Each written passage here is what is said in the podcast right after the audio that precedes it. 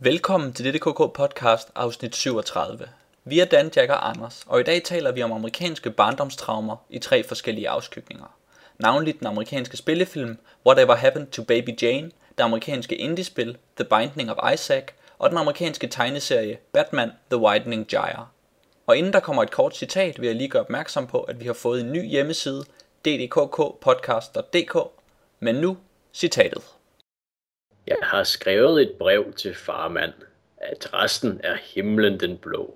Jeg skrev, kære far, hvor vi savner dig, og ønsker du var hos os endnu. Uh, Dan, det var yndigt. Ja, var det ikke det? Ja, du skulle næsten synge det. Jeg overvejede at synge det, men jeg tænkte, at jeg ville spare alle for den tragedie. Så kan du have lavet sådan en kær barnestemme, ja, det kunne jeg nemlig. og foldet dine hænder og sådan kigget op. Ja, I loftet. set utrolig cute ud. Jeg forestiller mig i hvert fald, at du har en yndig frilly kjole på og har sådan nogle sløjfer i skæret. Ja, det, øh, det er ikke meget ved siden af.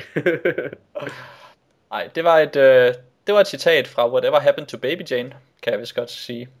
ja, Det er en film, som vi skal tale om senere i dag, som øh, blandt andet handler om en, der synger en sang. sådan en nydelig ung dame. Lige præcis. Øh, inden det skal vi... Nej, det er faktisk det første, vi skal tale om. Efter det skal vi tale om computerspillet The Binding of Isaac. Og så slutter vi af med at tale om en tegneserie, Batman The Widening Gyre. Øhm, og der er også lidt øh, post, som vi skal tale om. Og så slutter vi også af med at præsentere vores nye hjemmeside, som vi lige kan løfte sløret for. Forhåbentlig eksisterer lige nu. Knock on wood ja. fordi vi er i gang med at lave den, og den skulle gerne være klar til nu.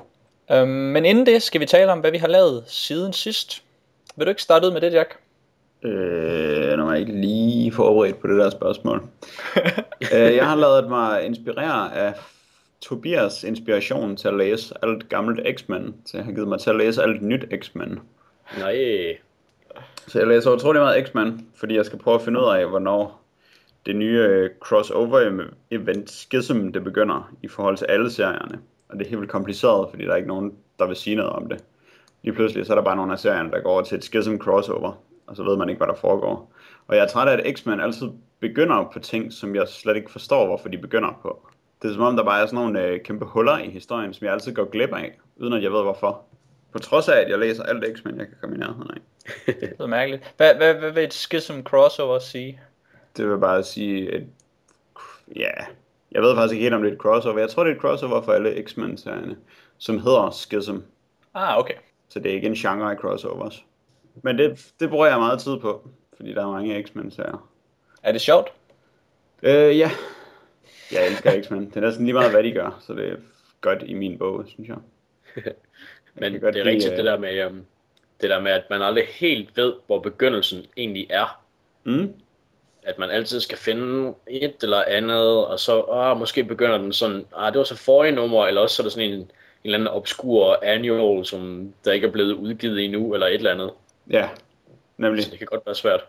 Jeg læste lige to kapitler af en historie, før jeg opdagede, at der var en X-Men Giant Size, som man skulle have læst, inden man gik i gang i det, som bare lå midt i en almindelig serie.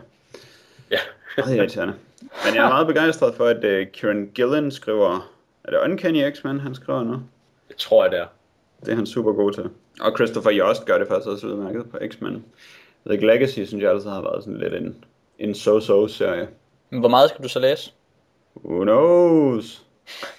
jeg ved det ikke. Jeg tror, jeg har læst tre af de fire sådan, uh, ongoing serier op til Schism. Og så overvejer jeg lidt, om jeg skal inkludere Wolverine og hans to børns respektive serier i det også. Ej, nu bliver jeg nysgerrig. Hvem er Wolverines børn? Det er hans datter X23 og hans søn Daken. Men, men datteren, er hun ikke mest bare en klon af ham? Åh oh, jo. altså. Vil du så også sige, at Rachel Summers, hun ikke er Scott Summers datter måske? Ja, okay. Godt ord igen. men hun er også fra fremtiden jo. Ja. Er en klon fra fremtiden egentlig en datter? Det tror jeg nok, det er. ja, det tror jeg vist også, det er. Godt. Det skriver vi lige på Wikipedia ja, ja, god idé. Hun er den der klon fra fremtiden, disambiguation side. jeg er gået i gang med at se øhm, den, hvad kan man kalde det, filmserie, der hedder Hornblower. som er øh, som man måske kender, måske gør man ikke, men det handler om en øh, om en ung, hvad starter han med at være, midshipsman eller sådan noget i øh, slutningen af 1700-tallet, der hedder Horatio Hornblower eller Hornblower. og, så, og han kommer ud for masser af shenanigans, men sådan prøver på at være en ærefuld mand og bliver forfremmet i floden og så videre. Og, øh, og det, jeg ved ikke helt hvorfor, men jeg kan egentlig godt lide det. det er sådan meget britisk, og deres, deres action scener, eller hvad man skal kalde dem, de er helt vildt dårlige. Der er på et tidspunkt, hvor han får tæsk af en anden fyr, hvor, hvor han så skulle forestille at blive sparket i maven, men det er bare mest sådan, at ham, den anden, han sådan chatter lidt til ham med foden, eller sådan bare ærer ham med sådan fodryggen, eller sådan noget. Men øh, det får han masser af mærker og men af. men, men der er et eller andet charmerende over det, jeg ved ikke hvad. Ja, det lyder da rimelig charmerende. Men nu, nu ser du dårlig uh, action. Er det så fordi, det er en gammel serie, eller er det en, eller film, eller hvad det var? Det er, jamen, det er en filmserie egentlig, altså, fordi hver serie afsnit, hvis man kan kalde det, det er måske en time og 40 minutter eller sådan noget. Okay, men det er lavet til tv? Det er lavet til tv, ja. Så man kan godt se, at de ikke har det helt vilde budget, for eksempel, men med budgetmæssigt, der, der gør de det egentlig ok. Uh, men så er der sådan der action-ting, som det er i hvert fald, hvad jeg har bidt mærke i, der, øh, der får den til at ligne ret meget en, en low-budget ting, fordi de kan de slet ikke finde ud af at instruere. Er der øh, masser af sådan noget skørbu og sulten ihjel og elendige sygdomme og sådan noget? Ja, de er det har, gode ved søfart? Ja, de har en, de har en del sultenhed. Sult, en del sult. øh, og øh, hvad hedder det, øh, madikker i deres beskøjter og sådan noget. Nice. Ja, ja. Så øh, det er også fedt selvfølgelig. Øh, ja, det lyder en lille smule mærkeligt. Ja, det er også lidt mærkeligt, øh, men ja, på en eller anden måde, så er det charmerende. Og jamen, så er der jo den der meget britiske æresting, hvor Hornblower, han selvfølgelig er den mest ærefulde mand af alle, så selv når han, når han får af den spanske oberst, han er fanget af på et tidspunkt, når han så giver sit æresord på, at han ikke prøver at flygte, når han går på spaceretur med hertuginden, så gør han det selvfølgelig ikke. så siger han, at han, ja, så siger han så, at han er jo nødt til at, at prøve i alle andre døgnets timer på at prøve at flygte, men ikke når han går spaceretur med hertuginden. så det, det er meget ærefuldt. ja, det lyder sådan. Den lyder ja. bare helt vildt god, når du genfortæller den, Dan. Ja, ikke Jeg ved, ja. du er interesseret, Jack. Jeg tvivler meget på, at det er det samme, hvis man ser den. så jeg, at det er ham, der spiller Reed Richards i Fantastic Four, der spiller Hornblower. Nej, men det, det siger mig heller ikke noget, så det er ham der med den der navn, som, som man måske ikke helt kan sige. Ham med navnet? Johan Grufford eller sådan noget. Han er... Man kan ikke... Det navn der, ikke Det er bare så ja. ja, det lyder rimelig, rimelig svært. Ja. Nå, men Dan, det må du lige... Øh, det glæder vi til at høre mere om øh, ja. det, til næste podcast. Ja. Hvad der er sket. Om han er kommet til tops og blevet en admiral. Jeg skal nok lige, øh, jeg skal nok lige sige det videre. Ja, godt. Øhm, jeg, har, jeg har faktisk læst en tegneserie. Så jeg fik tilfældigvis en tegneserie i, øh, i fødselsdagsgave her for, for nogle uger siden. Aha. Der hedder Big Baby, øh, skrevet af Charles Burns. Aha. Ja. Øhm, og den, øh, den har jeg læst. Og den er sådan øh, rimelig... Øh, ja, det er jo en sjov tegneserie, der handler om sådan en, en meget grim dreng. Øh, som har sådan nogle helt vildt irriterende øjne. Man kan prøve at google Big Baby med Charles Burns, så kan man se den der drengs ansigt. Det er virkelig et irriterende ansigt at se på, og det gør sådan hele læseoplevelsen sådan lidt mere ubehagelig, end, end hvad den egentlig burde være. Um, det er ret sjovt. Og så øh, er det meget sådan et, den handler meget om det der øh, møde mellem voksenverdenen og, og børneverdenen, som bliver sådan lidt freudiansk og ubehagelig til tider. Ja. Um, så det, øh, det gør den ret godt, der hvor den hele tiden lige ligger og vipper mellem at være fascinerende og ubehagelig og sådan noget. Det er meget Charles Burnsk, tror jeg. Ja, det, det lader jeg mig forstå. Ja. Men det lyder som om han gør det godt på det tidspunkt. Er det noget meget gammelt, Charles Burns? Det tror jeg ikke, ved men jeg det? ved det faktisk ikke. Der er ikke... Jeg kan da kigge på den. Ja. Yeah. Jeg kan se, at den strækker sig fra 83 til 99. Okay. Så det er faktisk gammelt lige meget, hvilken ende man starter i.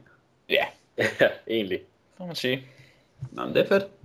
Jeg har også lige fået... Øh, jeg fik Black Hole i julegave. Så nu bliver jeg nok nødt til at læse den på et eller andet tidspunkt, så, ja, som jeg kan gennemføre. Så, så er der ikke andet for. Nej, jeg, jeg gjorde det i andet forsøg, så øh, jeg tror også, du kan. Kan man skulle lægge lidt blødere ud med Big Baby? Den er ikke så lang, er den? Uh, nej, det er, jeg tror det er fire forholdsvis korte historier. Blødt nærmest er det. Og den er, den er meget overkommelig. Um, der er lige sådan et, et enkelt udslæt, jeg synes var rimelig klamt på et tidspunkt. Der er sådan en teenager, der har fået en eller anden sygdom, som han sådan skjuler for folk, og så bliver den bare værre og værre. Ah, ja. Så til sidst er den rimelig klam. Det lyder som hele Black Hole. ja. ja. Ja, det er rimelig klamt. Jamen, det er fedt. Og øh, aktuelt for et af vores andre emner i dag, måske. Ja, muligvis. Det kunne må vi se. Vi har jo faktisk et tema. Det kan vi måske tale om. Det skal jo ikke gættes den her gang, så vi kan godt sige det. Men øh, Men det føles alligevel sådan lidt grænseoverskridende at sige det. Ligesom når en Ja. anden superhelt bare tager sin maske af, selvom man lige har mødt dem. ja, totalt. Så er man ret øh, bestyrtet, faktisk. Ja, men øh, vi skal lige færdiggøre vores øh, lille runde her. Og ja. Og det kan vi jo gøre med, at Jack kan fortsætte.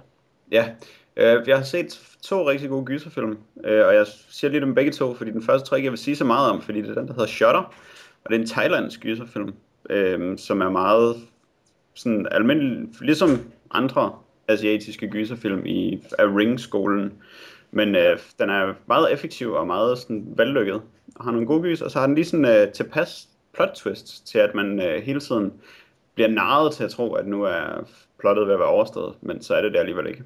Så øh, god på samme måde som The Ring er god, faktisk, uden at være alt for kopierende.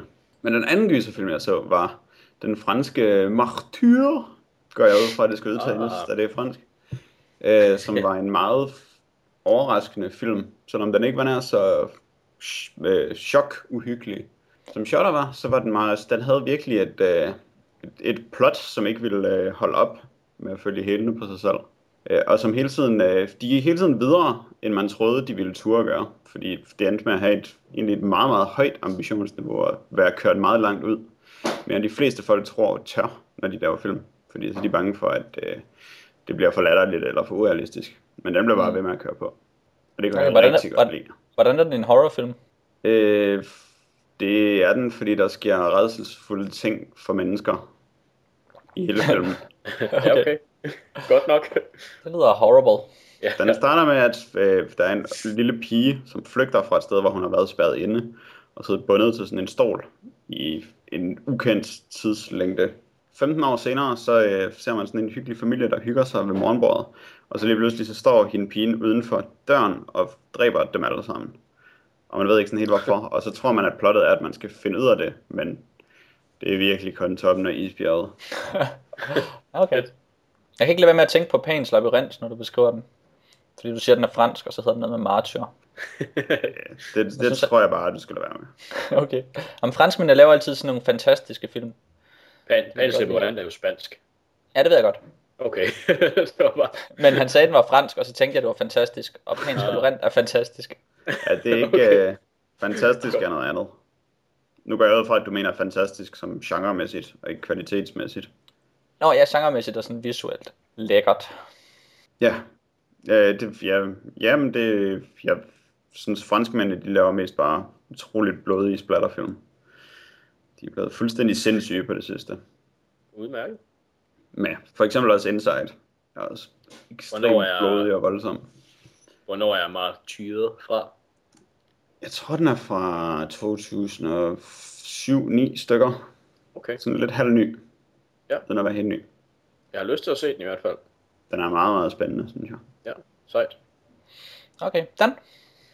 Øhm, ja, hvad kan jeg mere sige? Jeg er også gået i gang med at læse Sir Ronald Fiennes øh, selvbiografi, Mad, Bad and Dangerous to Know, som hans kones far engang kaldte ham. Og han det er sådan rimelig cool i starten, og så bliver det sådan lidt kikset også. Ja, ret egentlig ja. Um, men han er en, en sådan en explorer, den første mand, der sammen med en uh, kammerat har uh, besejret begge poler i verden og sådan noget. Og uh, hans ambition, da han var lille og boede i Afrika, det var, at han ville vokse op og ligesom sin far være oberst i The Scots Grey Regiment eller sådan noget. Så han er sådan en rimelig britisk fyr. Uh, og det, det kunne han så ikke, fordi at han stjal en masse sprængstof og sprang et eller andet i luften. så blev han smidt ud af, af Nej, det kan godt være, at han ikke blev smidt ud, men i hvert fald så fik han ikke lov til at fortsætte i herren eller noget i den retning. Og så blev han bare en øh, opdagelsesrejsende i stedet for. Og mm. så, er jeg så, så har jeg så lige læst omkring hans øh, syv år in the planning lange ekspedition til begge poler. Det lyder som, der er lidt et tema i de ting, du beskæftiger dig med, Dan. Ja, ja det er jo meget øh, britisk og opdagelsesrejsende-agtigt. ja, på en eller anden måde. Ja. Det er der ikke noget i vejen med, nogle af de ting. Nej, det er, det er meget sjovt. Den er, den er sådan meget underholdende. Det var ikke en, en fyr, jeg kendte så meget til. Men han har godt nok, øh, han har godt nok været ude for en del og fået en del sår, når han har taget sin maske af i det arktiske, og hans skæg er frosset fast til hans maske, og så næste gang han tager masken af, så tager han så sit skæg med, og halvdelen af sin hage og sådan noget. Det er meget, det er meget interessant at, at læse om, hvor, hvor slemt vejret egentlig er. Så kan man måske øhm, prise sig lykkelig for, at det kun er minus 4 grader her i Tallinn. Hvordan kom du til at læse den bog, når du ikke kendte ham? Øhm, det var det var en ven, der nævnte ham, og sagde, at han var vild. Og så sagde jeg, ja okay, hvor vild kan man lige være? Og så, øh, så var han egentlig ret vild. så tænkte jeg, at jeg var nødt til at læse mere om ham. Hans titel som vild var fuldt ud berettiget. Ja, det synes jeg faktisk. Hva, nu har du, øh, altså han er vild, men er han også mad? Eller det var også det med springstoffet, eller hvad? Jeg tror, det var det med, med springstoffet. Måske er han også mad, fordi at han, øh, hvad var det, der var en strækning, som sidste gang det var foretaget, det var selvfølgelig også en del år før, øh, før i 70'erne, hvor han gjorde det, men sidste gang var den foretaget, så tog det øh, sådan noget som fem år, og han, ham og hans travel body, de gjorde det så på under et år, fordi at man skulle bare skynde sig, øh, før at isen brød op, og det var sol, og det var sådan noget, så skulle man bare skynde sig at gøre det, og så skulle man stå pokker i det, hvis, hvis man kørte rundt på en scooter, og isen ligesom begyndte at sprække rundt om en og sådan nogle ting. Okay. Var det ham med Dead or Alive opkaldt deres plade med Bad and Dangerous to Know efter? Hvornår er pladen fra? 80'erne, må jeg formode. Mm, det kan godt være, det var ham. Det er alt Dead or Alive vist. Men det er måske et udtryk, der er lidt ældre end, end de tidlige 60'ere, eller hvornår han nu blev kaldt det. Um, jeg har set uh, Rear Window af Hitchcock, og så vil jeg bare lige sige, at den stadig er fantastisk. Hvis folk ikke har fået den set, så skal de, så skal de se den. Rear Window, er det uh, James Stewart, der sidder og har brækket benet?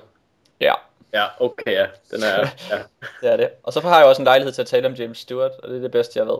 Det, Fedt. det er rimelig godt. Ja.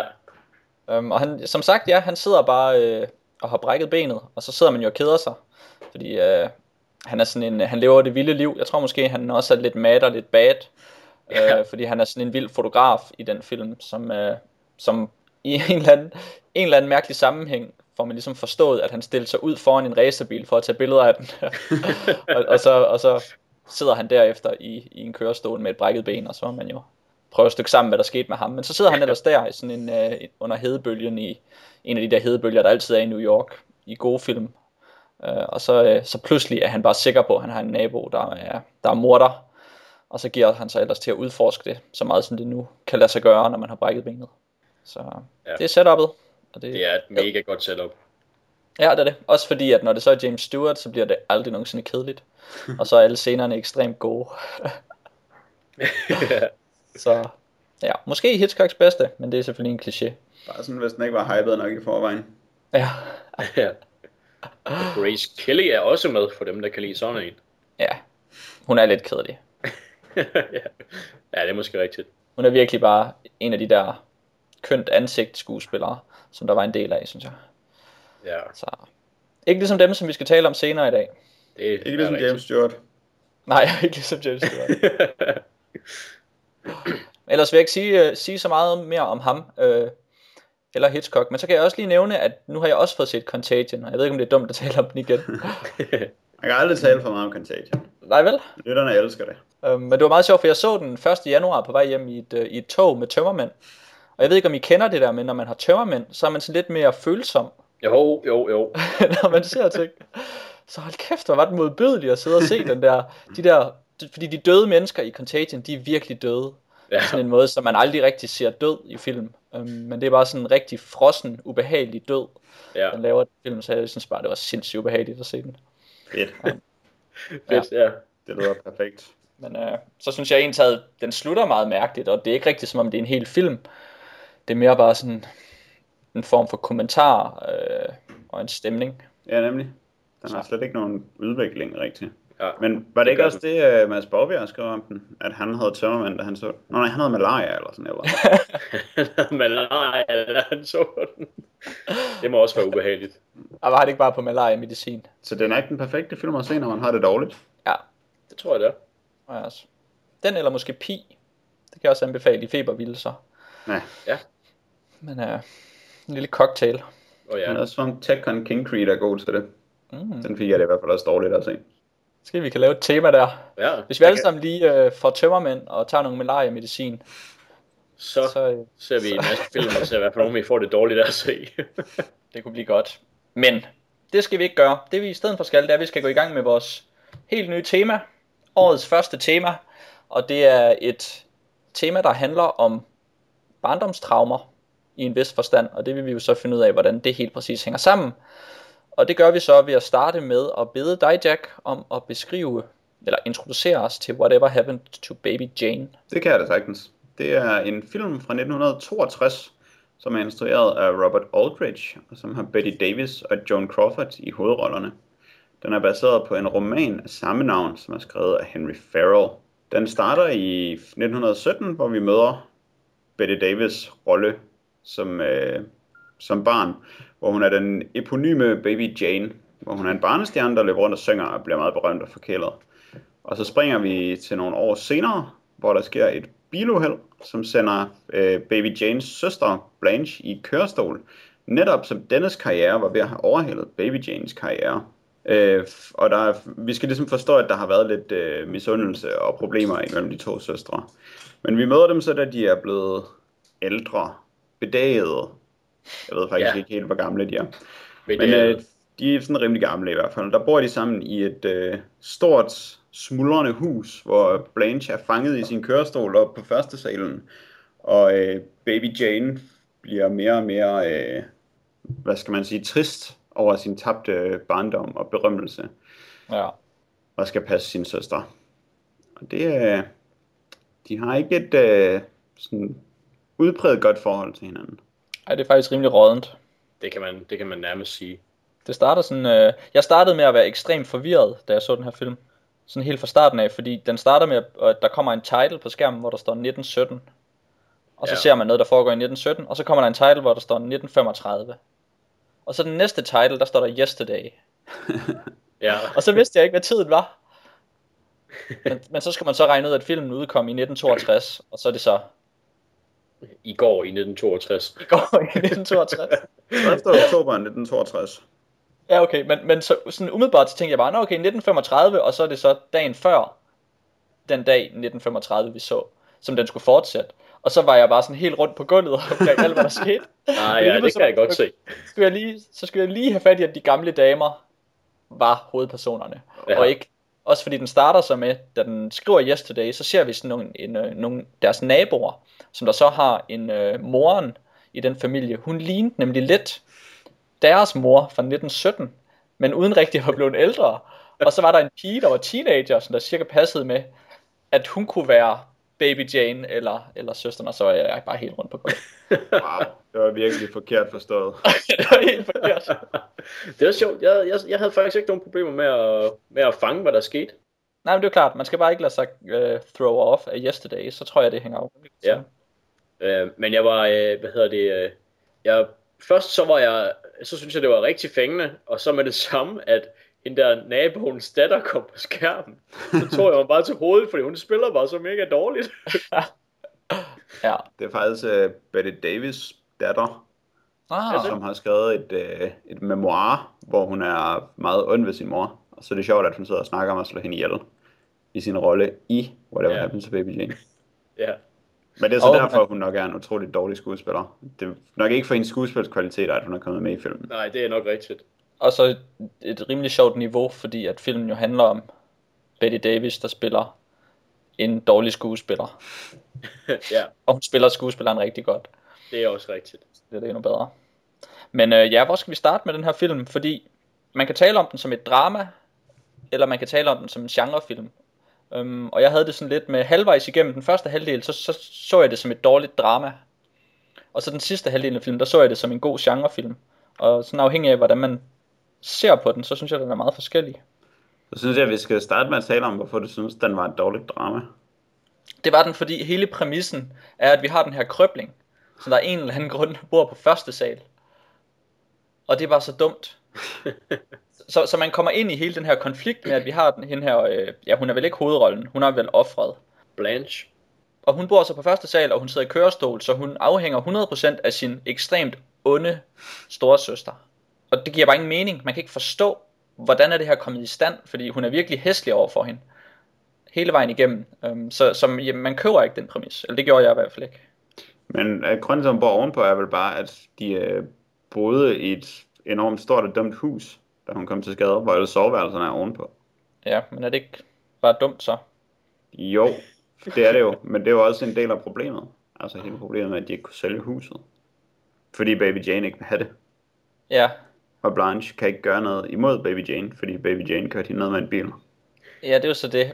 Og, og så, kommer, så kommer vi hen til det forhold, der er imellem dem, som vi jo heller ikke rigtig har, kommer til at forstå. Det giver ikke rigtig nogen mening, hvorfor de skal bo sammen, hvis de overhovedet ikke kan lide hinanden.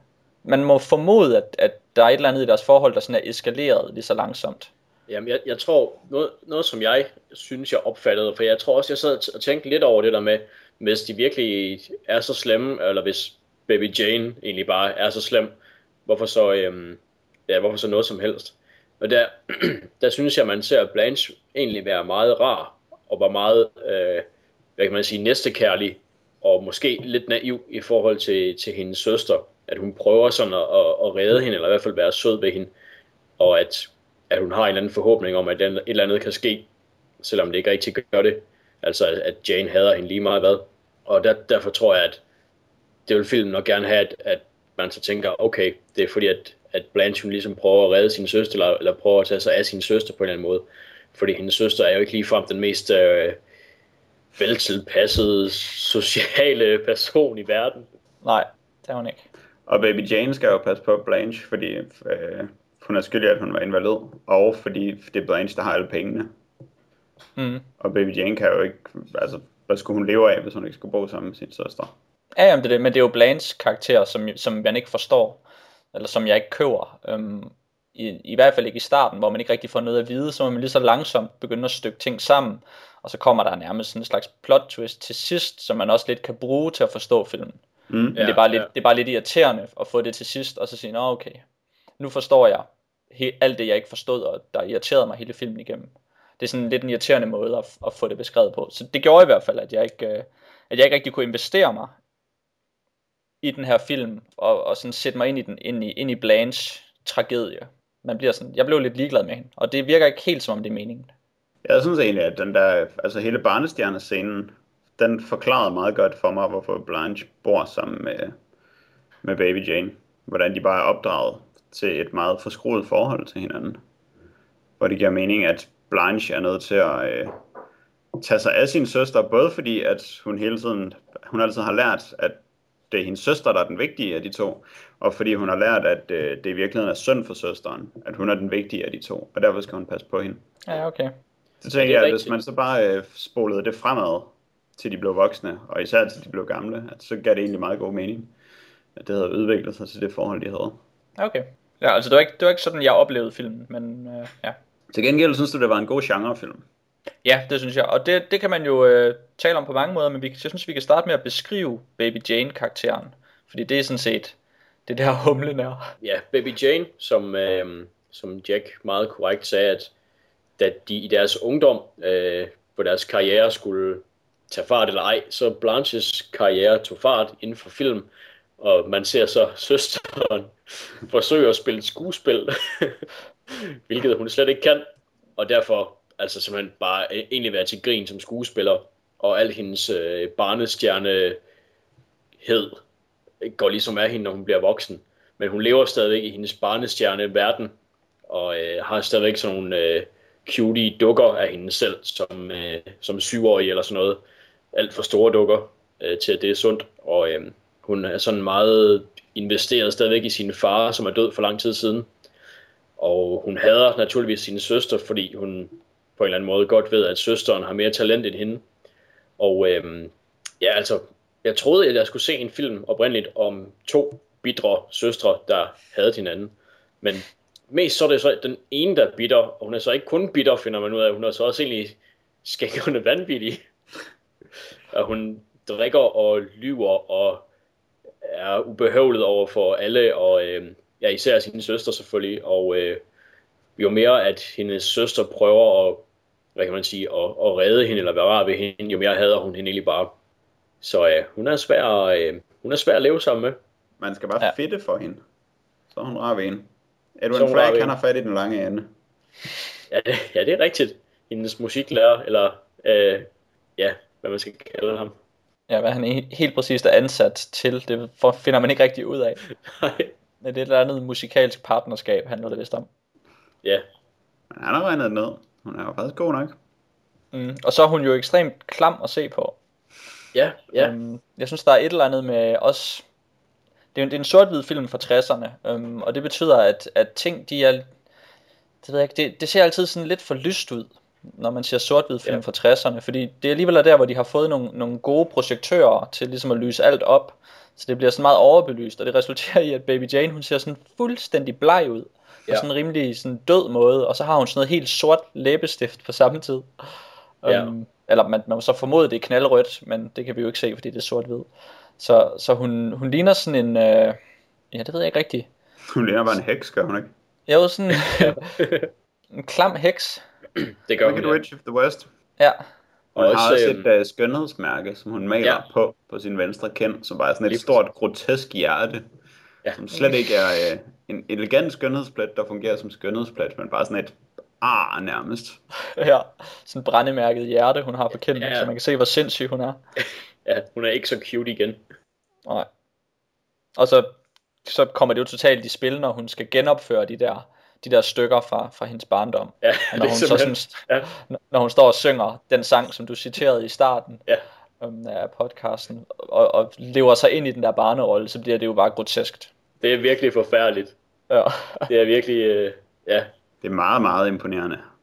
Ja, det er det. Altså, jeg havde ikke, jeg havde ikke troet, at en film fra 1962 kunne... Altså, jeg ved godt, man ikke skal undervurdere film fra 60'erne, men, men at hun kan være så, altså, så forkert på alle måder, øh, hendes karakter der, det var jeg meget imponeret over. Hvordan Det er som om, hun kan, det er som om hun kan skuespille sin hud dig synes jeg. Ja. hun kan, ja, altså hun, hun ser bare altså, usund ud på sådan en rigtig ah, ubehagelig måde.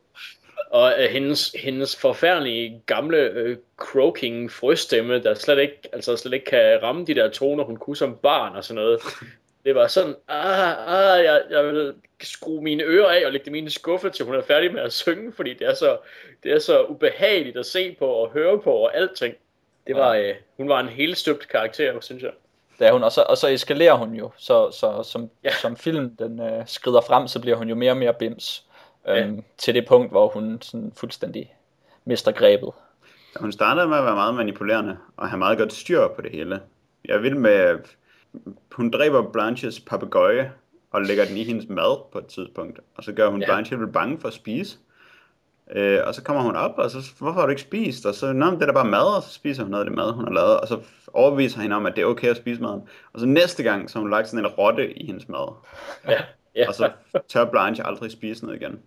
Og det, det, det, er jo lidt, det er lidt svært at forstå, hvor øh, lang tid og hvor afkræftet Blanche hun bliver Mm. i løbet af filmen. Fordi til sidst, der er hun jo... Der skal vi forstå, at hun virkelig er smadret, og at hun ikke har ja. spist i lang tid, og at hun ikke har sovet, eller set sollys, eller talt med mennesker, eller sådan noget.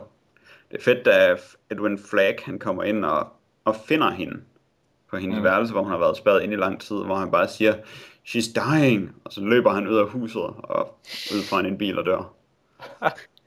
Så skal man ligesom forstå, at det, slår, at det står sløjt til, Ja. ja.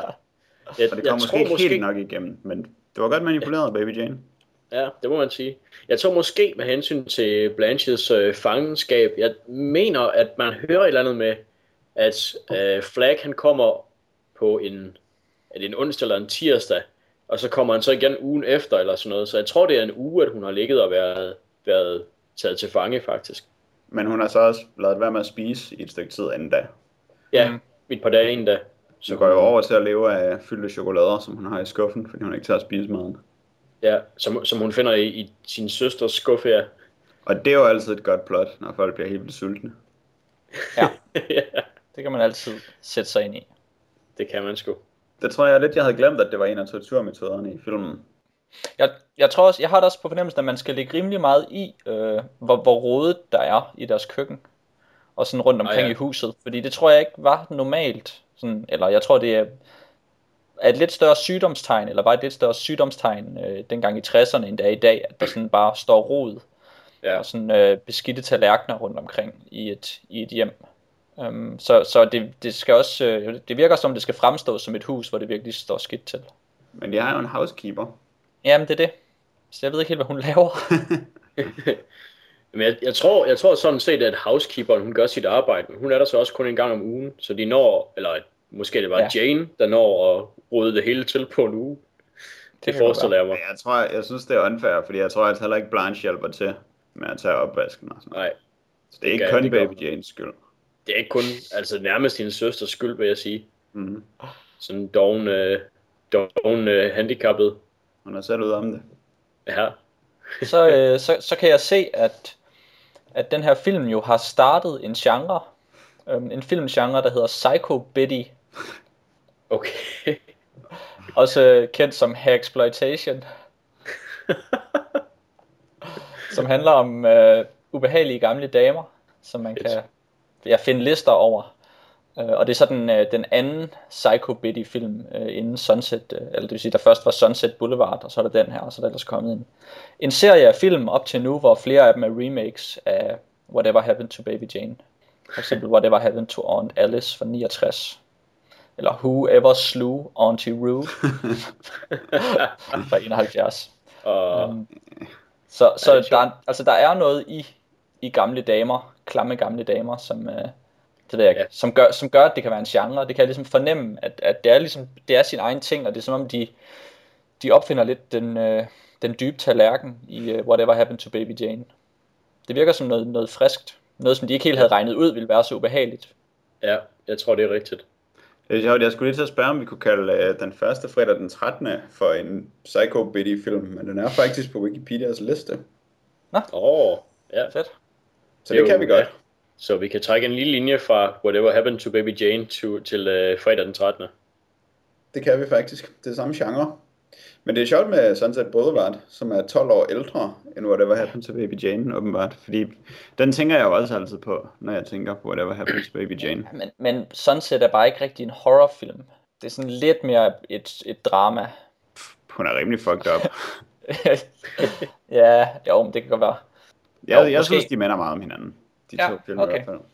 Okay. Jeg synes ikke, Jeg vil ikke... Baby Jane, hun er så meget mere horrible. Nej, okay. Nå. Nu synes faktisk- overveje. Du synes faktisk, hun har sine lyse punkter. Nej, jeg synes bare, at Gloria Swanson er pisseuhyggelig i Sunset Boulevard. Ah, okay, ja. Ja, det er også en ekstremt god film. Det er det. Jeg vil, jeg vil faktisk gerne lige sige noget om den sorte tjenestepige, som har en, øh, hvad jeg synes er en meget heroisk rolle i den, mm. Mhm. og som jeg også var imponeret over, at, øh, at en sort kvinde i 1962 i en, hvad kan man sige, i hvert fald en semi-genre-film, har sådan en, øh, har sådan en rolle, hvor hun er sådan helt vildt fornuftig og sådan noget. Ja, men på samme tid er der også noget, øh, noget Hollywood-kritik i den her film, hvor Ja. jo sådan set kritiserer barnestjernefænomenet og Ja. showbiz-branchen som noget, der udnytter folk. Ja, Øh, Og jeg tror, det er noget, der ligger til instruktøren, som der i hvert fald i hans tidlige år er kendt for at være en meget øh, venstreorienteret instruktør, der havde nogle opgør med systemerne, og tidlige independent film er han vist også en af, en af sådan drivkræfterne bag og sådan noget. Um, så det, det er noget, der ligger til ham, kunne Okay. jeg forestille mig. Det kan selvfølgelig også være, at der er noget, der ligger i den øh, bog, den er baseret på. det er selvfølgelig rigtigt. Det ved jeg. Men, jeg, øhm, er ikke sikker, jeg er ikke sikker på, om tjenestepigen er med i bogen. Jeg er heller ikke sikker. Jeg har ikke læst den. Det har jeg heller ikke. Men øhm, jeg synes, det var fedt at se, fordi jeg tænkte på, øhm, jeg kom til at tænke på en film fra cirka samme tid, som er, jeg ved ikke, fra 1960 eller sådan noget, der hedder The Killer Shrews, som selvfølgelig også er en, er en ekstrem B-film, men altså, det er jo så der, hvor, hvor øh, der er de her, spids, de her dræber spidsmus, der ligesom lige så stille dræber folk på en ø. Det er jo sådan, at så, først så dør den sorte mand, og så dør, hvad er det, hesten, og så Ja. dør mexikaneren, og så dør der en hvid. Så jeg synes, der er et stort spring. Der er et stort spring for den film i hvert fald, og så til, øh, til Baby Jane. Ja, det tror jeg, der er på mange, mange parametre, den. ja, Jamen, det, er- det, det er rigtigt nok, men øhm, det var bare Ja, lige... faktisk. Øh, Måske er, er det ikke helt fair at sammenligne dem overhovedet. Men mindre der selvfølgelig er en uh, crazy old lady. Attack of the Killer Shrews. Ja, nej, det er der ikke. Der er sådan en, øh, der er sådan en, øh, en videnskabsmand, der bliver bit, og så forgiftet af sådan en, en spidsmus. Og så til, til hans sidste åndedrag, så skriver han symptomerne for hans forgiftning ned på sådan en skrivemaskine. Ender det så med, at han skriver, Oh no, I'm dying, ark, ark, ark. Øh, nej, desværre ikke. Jeg tror et eller andet med, at sådan, han skriver noget med, at øhm, uh, feber og rystelser og øh, blurred vision og øh, et eller andet resulting in death, og så, øh, så falder han op på skrivemaskinen. Ja. Så ja, okay, jo mere jeg, jeg husker den, jo mere tænker jeg, at det nok ikke er nogen, der skal sammenlignes de to film. Ej, men det, du får point for at bringe den på banen, den. Ja, jeg, jeg, jeg har tænkt meget på den her på det sidste. Det er en crowd pleaser. Men jeg synes, Whatever Happened to Baby Jane er sådan en film, der... Øh, den kunne godt have været baseret på et teaterstykke. Og det er jeg jo vild med, Ja. som bekendt. Mm. Virkelig godt lide, at det bare er de der to utroligt gode skuespillere, som slås med hinanden i en hel film, nærmest i et rum. Ja, Ja. Altså, jeg synes, jeg synes filmen blev lidt lang, må jeg indrømme. Uh, Den er også meget lang. ja. Fordi, fordi den eskalerer rimelig tidligt. Uh, det er ret, jeg ved ikke, en halv time inde i filmen, så får man ligesom forstået, at Blanche er spærret inde, og Baby Jane er ond, øh, og under end, end hvad der sådan er godt. Og så går der ellers halvanden time med, at det bare bliver værre og værre, så det bliver sådan en ret tung tragedie.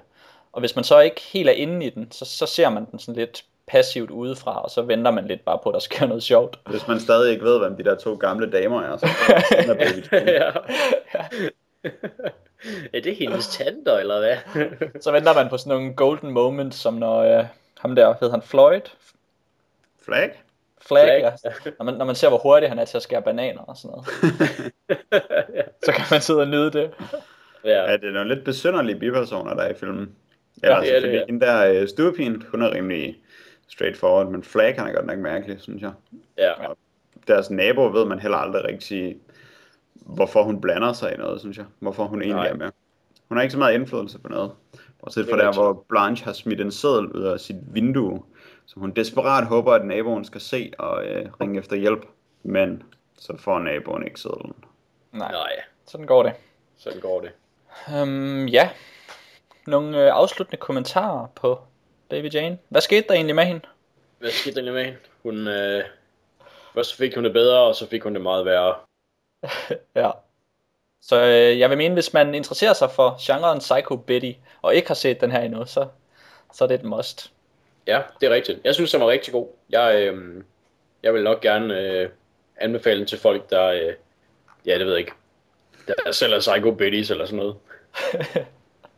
Ja. Øhm, men øh, nu fra øh, psykotiske gamle damer skal vi øh, til øh, babyer. Nej, lad, lad, mig, lad mig tage den et andet sted fra. Fra gamle damer, der bor på første sal, skal vi nu til babyer i kælderen. Ja, Øhm, for vi skal tale om computerspillet The Binding of Isaac. Øh, og som de, øh, de, hvad kan man sige, religionsinteresserede selvfølgelig har luret af, så er The Binding of Isaac historien om øh, Abraham, der offrer, eller bliver bedt af Gud om at ofre sin søn. Øh, og det er sådan set også det, der er plot, øh, plottets udgangspunkt, eller man siger computerspillets udgangspunkt her, fordi det handler om en mor, der pludselig får at vide af Gud, at hun skal dræbe sin søn. Øh, og så øh, handler spillet altså om, at sønnen han flygter ned i en kælder, og så skal han ellers derfra kæmpe sig ud af kælderen ved at slås med sådan nogle små hvide orme, der skyder med røde kugler, eller sådan nogle øh, hvide ben, der hopper rundt efter en. Eller har I nogle andre gode nogen? Jeg kan godt lide uh, de der små versioner af Isaac, hvor der er fluer, der har lagt helt mange æg ind i deres hoveder. ja. Og så har de Ja, sådan og så en går de kæmpe rundt og- klumpede og og deforme græder. Ja. Ja. Gemmer de sig for en. Og sådan nogle øh, fluer af forskellige, øh, hvad kan man sige, sværhedsgrader, der er efter en. ja. Øhm, og så og spil... selvfølgelig også, undskyld, jeg skal lige nævne også de der forfærdelige bosser der, som der måske, måske ikke er hans, er hans brødre eller et eller andet. De har i hvert fald sådan menneskenavne, ligesom Isaac selv. Ja, det er rigtigt nok. Eller nogen af dem har. Og spillet er et uh, independent spil, og det er lavet af Edmund Macmillan, som man måske kender, som uh, han er en af de der folk, der er kendt for at lave gode indie-computerspil, fordi han tidligere har lavet et spil, der hedder Gish, kan det passe? Ja. Eller sådan noget i den stil. Og så uh, Super Meat Boy, hedder den det? Ja. Det hedder den i ja. hvert fald. Men er det ikke Gish, som hedder noget andet i virkeligheden? Det ved jeg ikke. Jeg har ikke spillet Gish. Jeg har bare uh, set det. Fordi han er jo også ret berømt for at have lavet et spil, der faktisk hedder Kont, men som har uh, ret mange andre navne rundt omkring. Fordi, jeg tror, ah. På Steam hedder den vist Gish. ja. Men ja, hvor man spiller en lille tissemand, der skal skyde en masse store tissekoner. okay. Ja, det, det er ikke Gish. Nej, okay. Det godt være. Så Gish, det er det med, det er det med slimbolden. Ja, ja, den ja. sorte slimbold, ja. Så Kont er nok bare Kont. Eller The C-word, eller nogle af de andre eufemismer, folk finder på for den.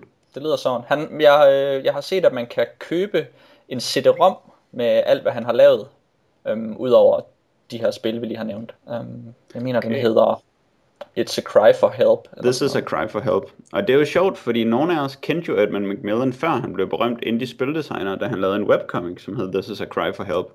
Som blandt andet er det, der har introduceret min bekendtskabskreds for uh, Dead Baby Jokes. Ah, jeg troede bare, det var dig, der havde gjort det. det er mig, der kanaliserer Edmund Macmillan. Aha. Okay. Det hænger meget godt sammen. Øh, og han har jo tidligere, ja, som sagt, lavet øh, ja, også webcomics og også andre tegneserieprojekter, så vidt jeg lige har kunne se. Nå, men, det er også, men i hvert fald en, der har været omkring, øh, og en, som er lidt kendt inde i den her branche her. Og han har så lavet det her spil, som der har den her, man kan sige, narrativ intro, som jeg var inde på, med det her, den her bibelske reference, og så den her ubehagelige historie om en mor, der bedræb sin, sin søn, og så er der ellers en masse gameplay øh, derefter, hvor at man øh, render rundt i sådan, nogle, i sådan en øh, tilfældig opbygget bane, hvor øh, man kan sige, hver screen er en udfordring, hvor man så møder nogle monster, og så når man har nedkæmpet monsteret, så har man klaret det screen, og så kan man gå videre til det næste. Og sådan fortsætter det en tid, indtil man til sidst finder det rum, hvor slutbossen er, og så nedkæmper man ham, og så er der en, øh, en lem i gulvet, og så falder man ned i næste level i dungeonen. Så det er sådan meget, øh, øh, man kan sige, håndgribelige, fordøjelige metaforer, spillet er bygget op omkring. Man er ret, hvis man har spillet et computerspil før, så forstår man rimelig ja. meget, hvad man skal gøre hele tiden. Og det er sådan set meget smart, fordi det, det bliver bare en fordel. Det er ikke fordi, man har brug for, at der skal ske noget andet. Um, og så er det ellers bygget op ved, at man finder ting. Man finder items, som gør en bedre eller dårligere. Um, og man, man kan sige, hvis man ikke har erfaring med spillet på forhånd, så ved man ikke, hvad alle tingene gør, og der er ekstremt mange forskellige items. Ikke bare ligesom et Mario-spil, hvor der er fem forskellige, man lynhurtigt lærer. Jeg tror, der er en, hvad er der, en 40-50 forskellige ting, man kan finde i det her spil, eller sådan noget. Ja, hvis det kan gøre det. Jeg tror nemt, der kunne være 100. Ja, det sådan noget i den stil. Så man finder hele tiden noget nyt, og så ved man ikke, hvad det gør, og så tager man det, og så får man måske ikke engang at vide, hvad det helt præcis gør, når man har taget det, og måske kan man ikke helt regne ud, hvad det har gjort.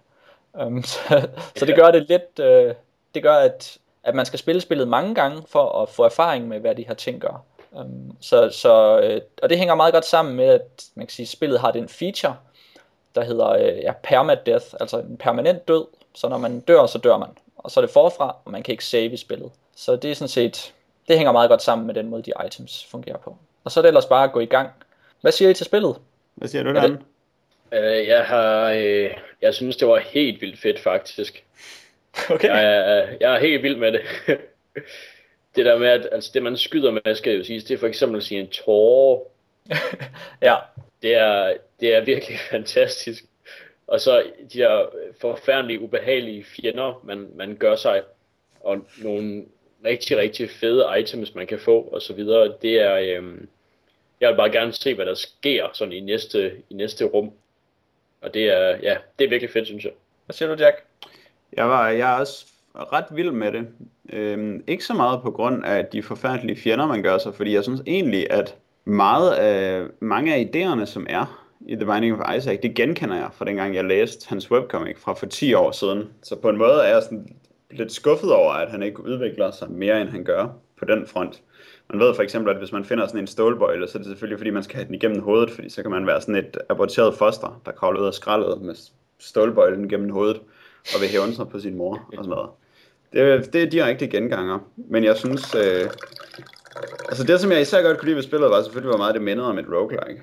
Ja. Øhm, fordi det, som gør spillet godt, er at blive bedre til det først og fremmest. Man kan blive sådan ret god til at løbe rundt om ting og skyde dem. Især når man lærer øh, de forskellige uhyre at kende, og man kan hele tiden opdage nye ting. Og det er så det gode ved grafikken, det er, at ham her Isak, han kommer virkelig til at se fucked up ud, når man sådan får flere og flere af de her ting. Altså når han lige får sådan et øh, laserøje og virusen, sådan, så hans hud slår ud i sådan nogle store byller, og så tager han sin mors underbukser og hendes højhælede sko og hendes læbestift på. Og så løber han ellers rundt og græder på de her uhyre. Så ja, det bliver rimelig, øh, det er virkelig en god måde at udnytte, at man har så mange tilfældige ting, og få ham til at Ja. se ud på så mange bizarre måder. Det er, en, øh, det er virkelig en sjov påklædningsdukke, man har at lege med. Mm.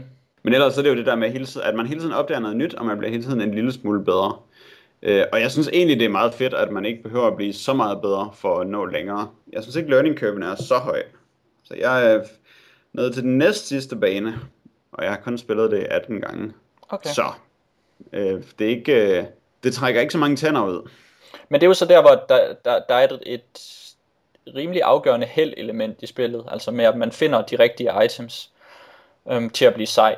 Øhm, også nogle gange så er man uheldig at tage en item, og så mister man bare liv, og så altså, er det sådan set ekstra spild, fordi man ikke engang får noget godt, men man faktisk får noget, der er dårligt. Og sker det flere gange i træk, så må man jo bare indse, at okay, det bliver måske ikke i den her omgang, at man kommer til at besejre sin mor. Det ved jeg ikke helt, om jeg synes, fordi jeg synes, der er så mange action-elementer i spillet, at det lidt står og falder med en selv. Det er klart, hvis man laver to handler med djævlen, og de begge to har et hjerte, og man kun havde to til at starte med, Hmm. så er det selvfølgelig lidt uheldigt, Ja, så kan man bare lade være med at lave så mange aftaler med djævlen. Det er rigtigt. Det selv Så jeg tror, at øh, selvfølgelig kan man få et sværere spil end nogle af de andre, men jeg tror på en måde, at man i hvert fald næsten altid kan være god nok til, at man kan overkomme det. Ja, der er, ja, der er nogle af uhyrene, som jeg har haft ekstremt svært ved at klare. Øhm, det ved jeg, altså jeg, jeg er kommet en gang til aller sidste bane, hvor jeg er op mod moren. Men det er så også en gang, og så alle de andre gange har jeg faktisk ikke været nær så tæt på. Så jeg tror bare, det var et godt spil. Altså jeg synes, jeg kommer konsekvent tættere og tættere på. Det synes jeg også, jeg gør. Så Hmm. du har måske haft mere øh, varieret spil, end vi har. For det er jo rigtigt, at man kan jo få utroligt gode ting. Mit første ja. spil fik jeg for eksempel laserøjet. Eller lasertårer er det selvfølgelig. Det er Dims, man skifter sit øje ud med, altså koncentrerer det ens tårer til en laserstråle. Og det virkede som en utroligt god ting, synes jeg. Ja, det lyder rimelig sejt. Det lyder fedt. Jeg, jeg, jeg fandt øhm, en af de ting, man kan finde øh, flere af, det er nogle piller, man kan samle op, og så har de forskellige effekter. Og øhm, jeg fandt så nogle piller, der, der det, det, hvad kan man sige, titlen på dem, det er bare Found some pills, prik, prik, prik, and ate them. Og så går man bare rundt og ser mega døllet ud i ansigtet bagefter.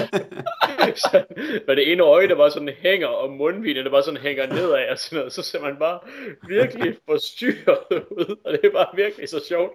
Ja. Og jeg tror ikke, de gør andet, end at man bare ser mega grim ud i fjeset, men det, det var virkelig, ja, det var virkelig fedt. Der er nogle helt fantastiske kombinationer en gang imellem. det er der altså. Jeg mener, jeg havde en, hvor jeg både fik The Virus og så The Common Cold på samme tid. Så han bare sådan så helt vildt syg ud. og så kan man finde sådan en, jeg tror bare den hedder Steve, som der er sådan en lille mutation, man har på hagen. det er rimelig godt. Og så selvfølgelig lige en bøjle gennem fjeset, og så kører man bare. Og så Ja, lige så er man øh, det, det ekstra hjerte, som han monterer uden på sit bryst, så han går Ja. ja. med en bankende hjerte på brystkassen. Ja. Ja. ja. ja, det er utroligt sjovt. Det er det. Det, Det er kan det jeg forestille mig at blive ved med at gøre det sjovt. Og det er fedt, at øh, der er så mange ting af de ting, som I nævner, som jeg sådan slet ikke har set. Ja, det er også fedt, fordi der er sikkert altså masser af ting, tror jeg. Øhm, har I mange gange fundet øh, hemmelige, øh, hemmelige rum? Øh, ja, det er sket et par gange, hvis man øh, eksempelvis, man kan finde sådan nogle tarotkort, hvor nogle mm. af dem gør, at der springer bomber ud over det hele.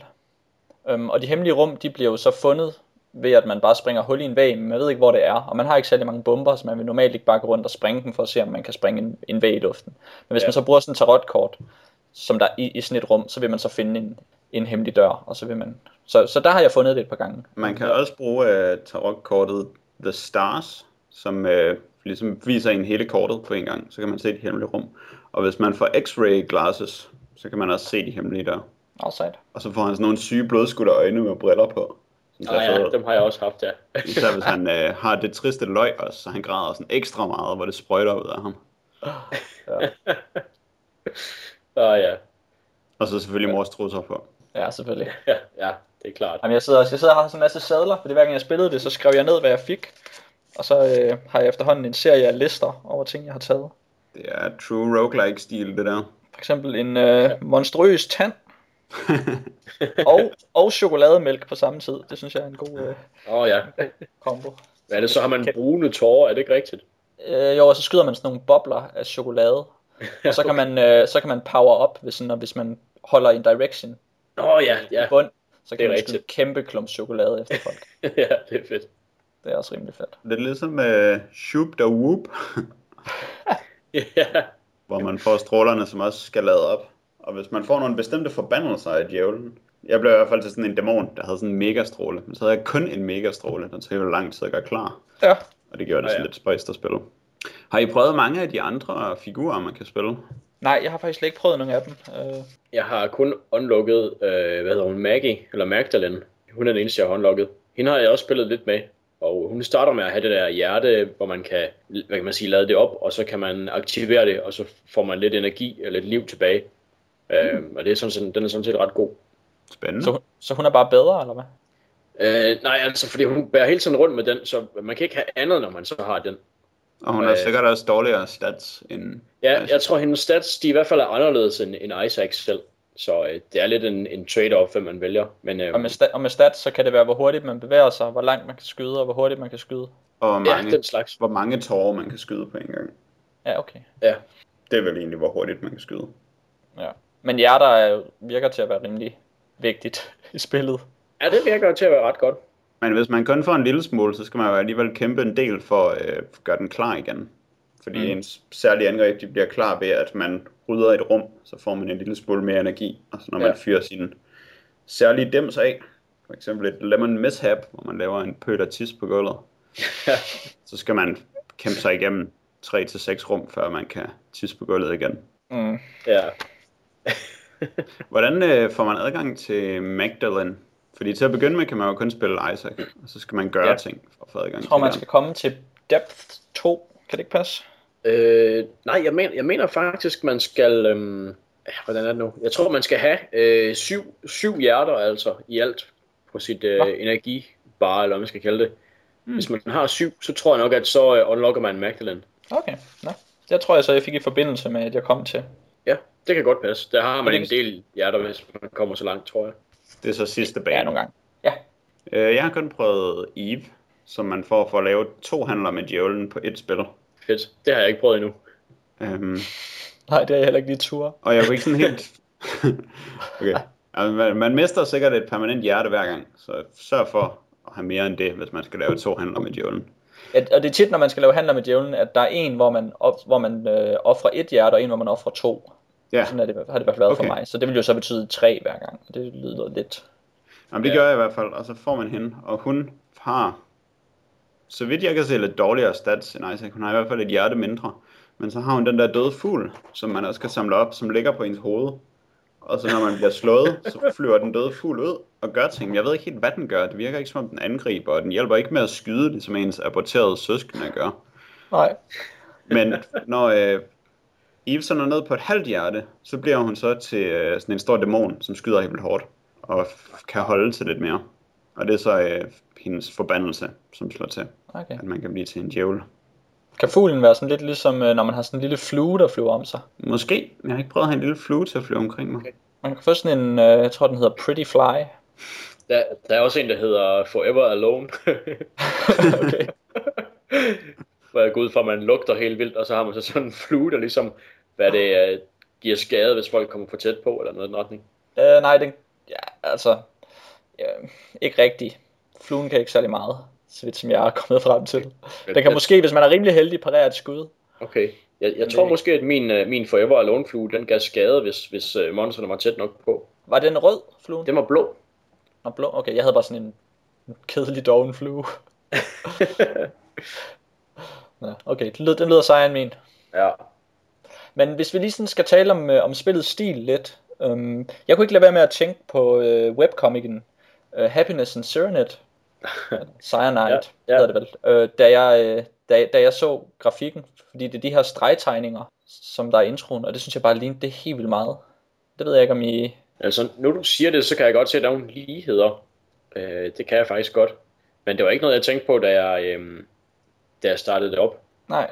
Altså, jeg tænkte kun på Edmund McMillan, men jeg havde så selvfølgelig også andre forudsætninger for at gå ind til det. Det havde jeg heller ikke tænkt på. Men jo, altså, det er da øh, sådan nogle små mænd med runde hoveder og arme og ben, som er streger. Det er det. Og så ja. er det den der, øh, den der sorte humor. Men det, er så åbenbart noget, der ligger til Edmund. Ja, ret sikker på, at øh, han kom før Cyanide. Happiness and Cyanide. Ja. Faktisk. Men jeg kan godt se, øh, at det minder om det. Lidt, det- lidt mere kødfuldt, det her. Det er det, og så er det jo generelt sådan et rimelig charmerende spil, øhm, eller i hvert fald ja. monsterne, og så den, hoved, den person, man er. Men ellers så er omgivelserne rimelig uimponerende, synes jeg. Det er sådan, altså det har ikke taget lang tid at lave de der grotter. De er meget selv der sige. Ja. Jeg ved ikke, om det er meningen, det skal være sådan old school charmerende. Det undrede mig bare lidt, at man, bare, at man slet ikke har gjort noget ud af de baner. Ja. Jeg ved ikke, om det undrer mig så meget. Okay, altså jeg synes spillet bliver sådan lidt tungt i det, og så også det med det musik, der kører, som er sådan rimelig tungt, episk musik. Så har jeg det tit sådan, når jeg har spillet to spil, så er jeg virkelig mættet af, af The Binding of Isaac, og så, så tager jeg en pause. Så, så er du, du er ikke så glad for musikken, eller hvad tænker du på? Nej, ikke specielt. Okay. Jeg var faktisk rigtig glad for den. Øh, jeg, jeg tror faktisk, musikken fik mig til at, at spille lidt mere, bare for at have lidt mere af den, af den fine musik. Ja, så den, den virker for mig i hvert fald. Du ved godt, du kan købe soundtracket på Steam, Dan. Ja, det så jeg Det faktisk behøver du godt. ikke spille for at høre det. jeg tror også, det er et, øh, et award-winning soundtrack. Hvis Ja. folk samler på award-winning computerspil soundtracks. Men når man tænker på, hvor lidt forskelligt musik jeg har hørt, mens jeg har spillet det, så føler jeg mig måske lidt snydt over at have betalt en euro for at købe det. Mm. Eller er det 2 euro, det kostede? Jeg tror, det er en. Okay. Men lidt snydt, stadigvæk. Ja. Jeg tror, der er et nummer for hver bane, måske. Nej, jeg synes, der er det samme øh, i, hvad hedder det, i alle de almindelige baner. Og så er der en til bosserne og en til de der kamprum. Hvorfor kan man forresten nogle gange ikke komme ind i kamprummene? Altså Det kan man også. kan man måske kalde dem. Nå, man skal have fuld energi, hvis man skal igennem metaldørene. Okay. Det er forklarer det. Og noget andet, jeg har undret mig ekstremt meget over. Hvordan kommer man over til ting, som øh, der er sådan nogle huller i vejen for at komme over til? Øh, Altså man kan jo finde stigen, Der er en stige. Ja. den kan man finde, men den har jeg kun fundet én gang. Okay. Men man Ja. kan også springe bomber på stenene, og så den vej, som stenene falder, det laver en passage. Så man kan simpelthen springe stenene ned i hullerne. Åh, sejt. Man kan- Det har jeg ikke tænkt på. Man kan også springe sten hen over pigge, hvis man møder pigge. Sejt. Jeg har haft øh, telekinese en gang, hvor jeg kunne hive, øh, hive ting til mig. Ja, og jeg har også engang haft en kæmpe magnet. Fedt. Det gjorde det rimelig let. Men ellers, man kan bare springe stenene. Ja, det virker som om, at det er en, en feature, man skal have at vide. Fordi, det ved jeg ikke. Man kan selvfølgelig godt klare sig uden. Men man kan godt nok glip af mange penge og hjerter i lang tid, når man ikke kan det trick. Altså, jeg Det havde gør- lidt overvejet det, tror jeg, da jeg spillede det, om man ikke bare skulle springe stenene ned i hullerne. Så det er Mm. måske lidt dumt at være så nær med sine bomber, at jeg ikke har forsøgt det. Ja. Ja, men man skal altså også spærre på dem. ja, man skal ikke øh, smide til højre og venstre med dem i hvert fald. Men Det er lidt ligesom, når man kommer til at spille en af sine nøgler på at låse butikken op, når man ikke har nogen penge. ja, det er forfærdeligt. Hvad, hvad kan man øh, finde ud over en butik ved de der nøgledøre? Altså, de der guldkronerum, hvor der er en fed power-up inde, Ja, dem Det skal man tit bruge nøgle til. Og der er guldkisterne, som man også skal bruge nøgle til. Ja. men nogle gange så de der, øh, de, de, de brune nøgledøre, som, som næsten altid er en shop, man kommer ind til. Nogle gange så møder man også en eller anden boss-agtig ting derinde. Altså de der dødssynder. Ja, Skal man have en nøgle ja. til dem? øh, det, ved jeg ikke, det har jeg oplevet, at jeg troede noget var en shop, men så var det en af dødssynderne. jeg, jeg, jeg tror ikke, man ved det, hvis, øh, jeg tror ikke, man ved det på forhånd.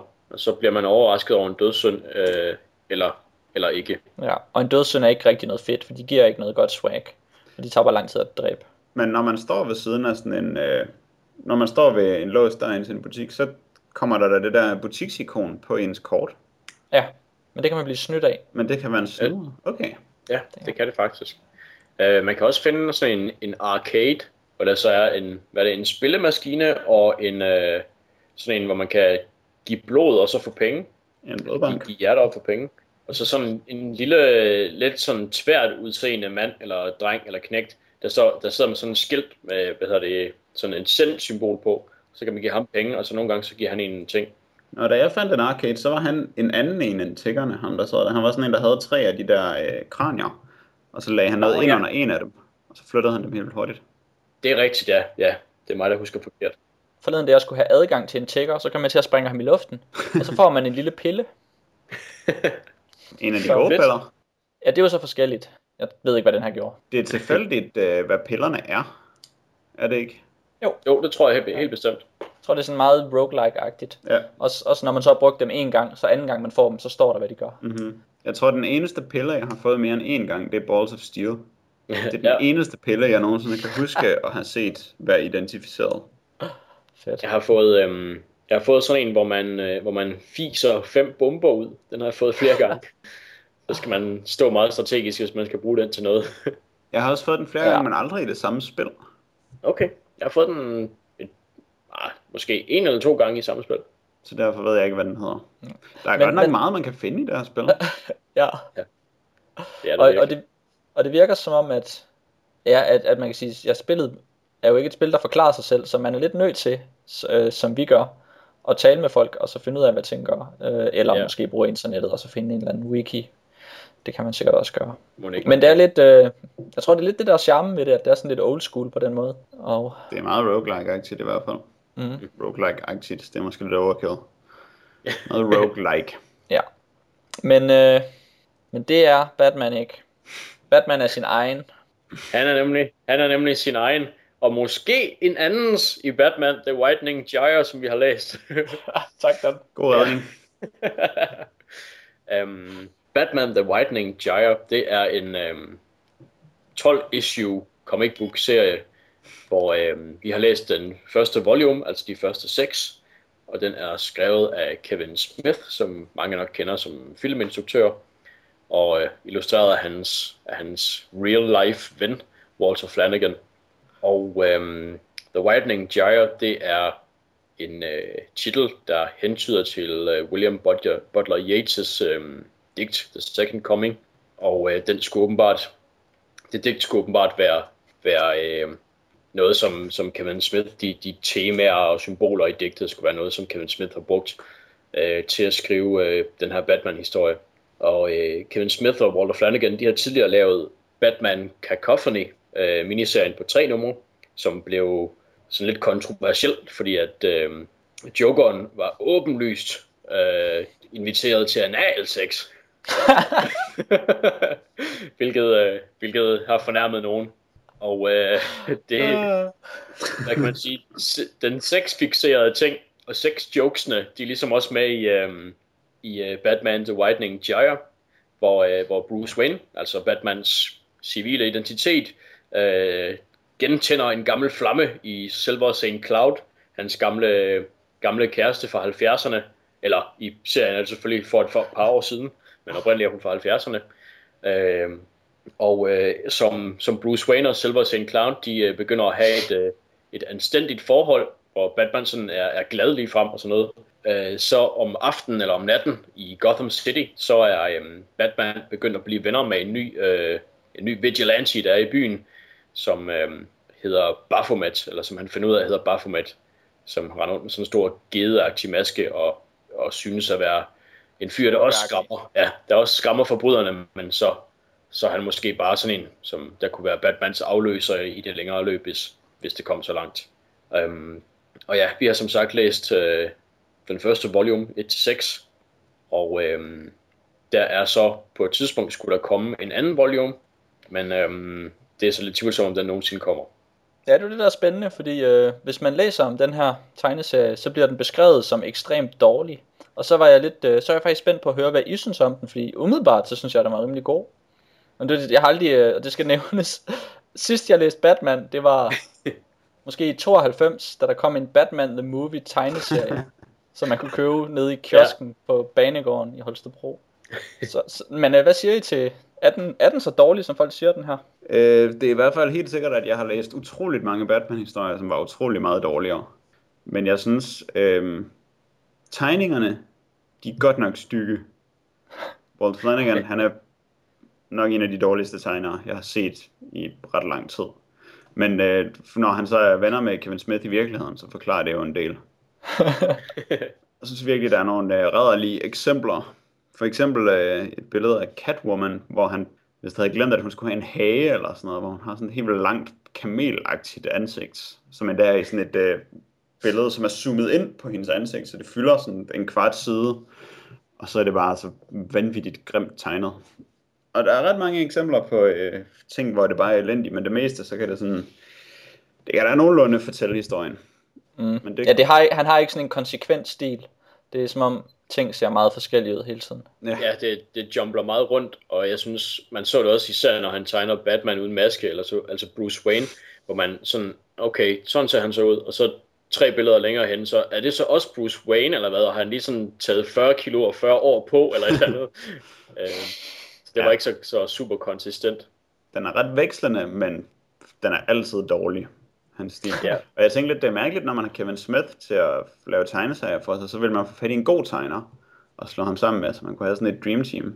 Øh, og så kunne jeg ikke forstå, hvorfor de havde valgt brugt Flanagan oven i købet to gange, fordi det også var ham, der tegnede Cacophony. Men det, det tror jeg altså, jeg forstår bedre nu i hvert fald. Og specielt Kevin Smith har jo en ting med at få sine venner til at gøre ting for sig. Ja, okay. Det virker som, han meget gør det i film, og han har hele sit, uh, sit radioting, Smodcast, hvor han har alle sine venner til at lave forskellige andre podcasts for sig og sådan noget. Og så, okay. kan, han ligesom, så kan han redde dem. Ja. Uh, han skulle have lavet uh, Walt Flanagan ligge i sølet. Men jeg synes, uh, det er altid lidt mærkeligt med de her uh, Batman Limited Series, som er sådan meget isoleret fra alt det andet Batman. Det bliver en mærkelig måde, de står alene på. Men jeg synes, uh, den er god på en måde, som ikke er særlig øh, tegneserieagtig, og den er også dårlig på nogle måder, hvor den ikke er tegneserieagtig. Jeg er lidt øh, blandet. Medium, vil jeg sige, den er. Medium, okay. Medium. Det er meget um, godt. Hvad, hvad synes du, der var, øh, der var godt ved den? Jeg kan godt lide den måde, som han øh, prøver at bruge lang tid på at beskrive det her forhold på. Mm-hmm. At øh, der de første fem hæfter, de jo egentlig sådan mere eller mindre bare går med, at tiden går, uden at det øh, at det rigtigt skal flytte et plot. Det er, ikke, det er ikke så meget med at komme fra punkt A til B, som det er bare, at de her folk skal have et forhold til hinanden i lang tid. Hvor Batman skal have et forhold til både Silver St. Cloud og til Baphomet. Som så mm. bliver vigtigt i det sidste hæfte. Men de første fem, der, øh, det føles ikke som om det flytter sig på den måde, som superheltehistorier som regel gør. Nej, det sjove er jo, at det hele tiden er, altså det er nye skurke, eller flere skurke, sådan i hver af de seks afsnit, og så gengangerne af hans kæreste og hans nye sidekick. Så ja. det er sådan set dem omkring sig, det handler om. Hans venner, eller hans... Hans, ja, hans allierede og, og så videre. Ja. Øh, jamen, det... Og ikke sådan en, en seks afsnit om, hvordan han skal bekæmpe jokeren i forskellige afskygninger, ja. eller sådan noget. Ja, jeg kunne faktisk også rigtig godt lide, at eller hvad, hvad jeg tolker det som, at, at Kevin Smith prøver at, at, hvad kan man sige, lave sin version af Batman, i stedet for bare at lave en, en øh, carbon copy af, hvad der går for at være den epitome Batman nu om dagen, eller man skal sige, ikke? at han prøver ligesom at have en Batman, der også er sådan ret menneskelig i det, ved at han har et forhold, og han har han vil gerne betro sig til, øh, til Baphomet. Han er måske ikke så god til at gøre det, men han, han gør der et forsøg og den slags. Øh, det synes jeg faktisk, det var meget interessant. Og at han, jeg, jeg tror, hans Kevin Smiths Batman er sådan ret inspireret af 70'er Batman, der sådan er måske knap så knap så brooding, som man har været vant til i, øh, i 80'erne op efter. Og på brystet Globetrotter Batman. ja, ja. Man læser, ikke han, man læser ikke hans stemme som helt så grov. Nej. som, som man måske kunne gøre. Så det synes jeg, det synes jeg, der var fedt, at han prøver at, at gøre, øh, at lave sin egen version af Batman, eller hvad man skal sige. Øh, og at han endda undervejs øh, også kan forarve folk med, at øh, Batman har tisset i bukserne. det synes jeg, der var rigtig sjovt, især fordi at det, han refererer til, øhm, det, er, det er det, hvor Batman fortæller Baphomet en historie om, da han startede, øh, nemlig hvor han har sat nogle sprængladninger i et hus, og da de så eksploderer, så står han så for tæt på, så trykkede det for ham ligesom til at tømme blæren. Og øhm, det er så øh, en Frank Miller-historie fra, øh, fra midten af 80'erne, han refererer til, øh, Batman Year One. Og øh, jeg, altså jeg ved godt, det her det er sådan før, at Frank Miller han måske sprang ud som ravne sindssyg, men jeg kan stadigvæk godt lide, at Kevin Smith gør nar i den her Frank Miller-historie. Gør han nar af den? Nej, altså det, det, jeg, tol- jeg vælger at tolke det på den måde. okay.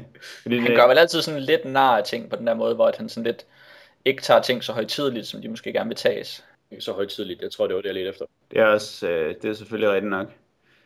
Men, jeg, men det er et godt eksempel på, hvor øh, hysteriske tegneseriefans er, når det kan blive et problem.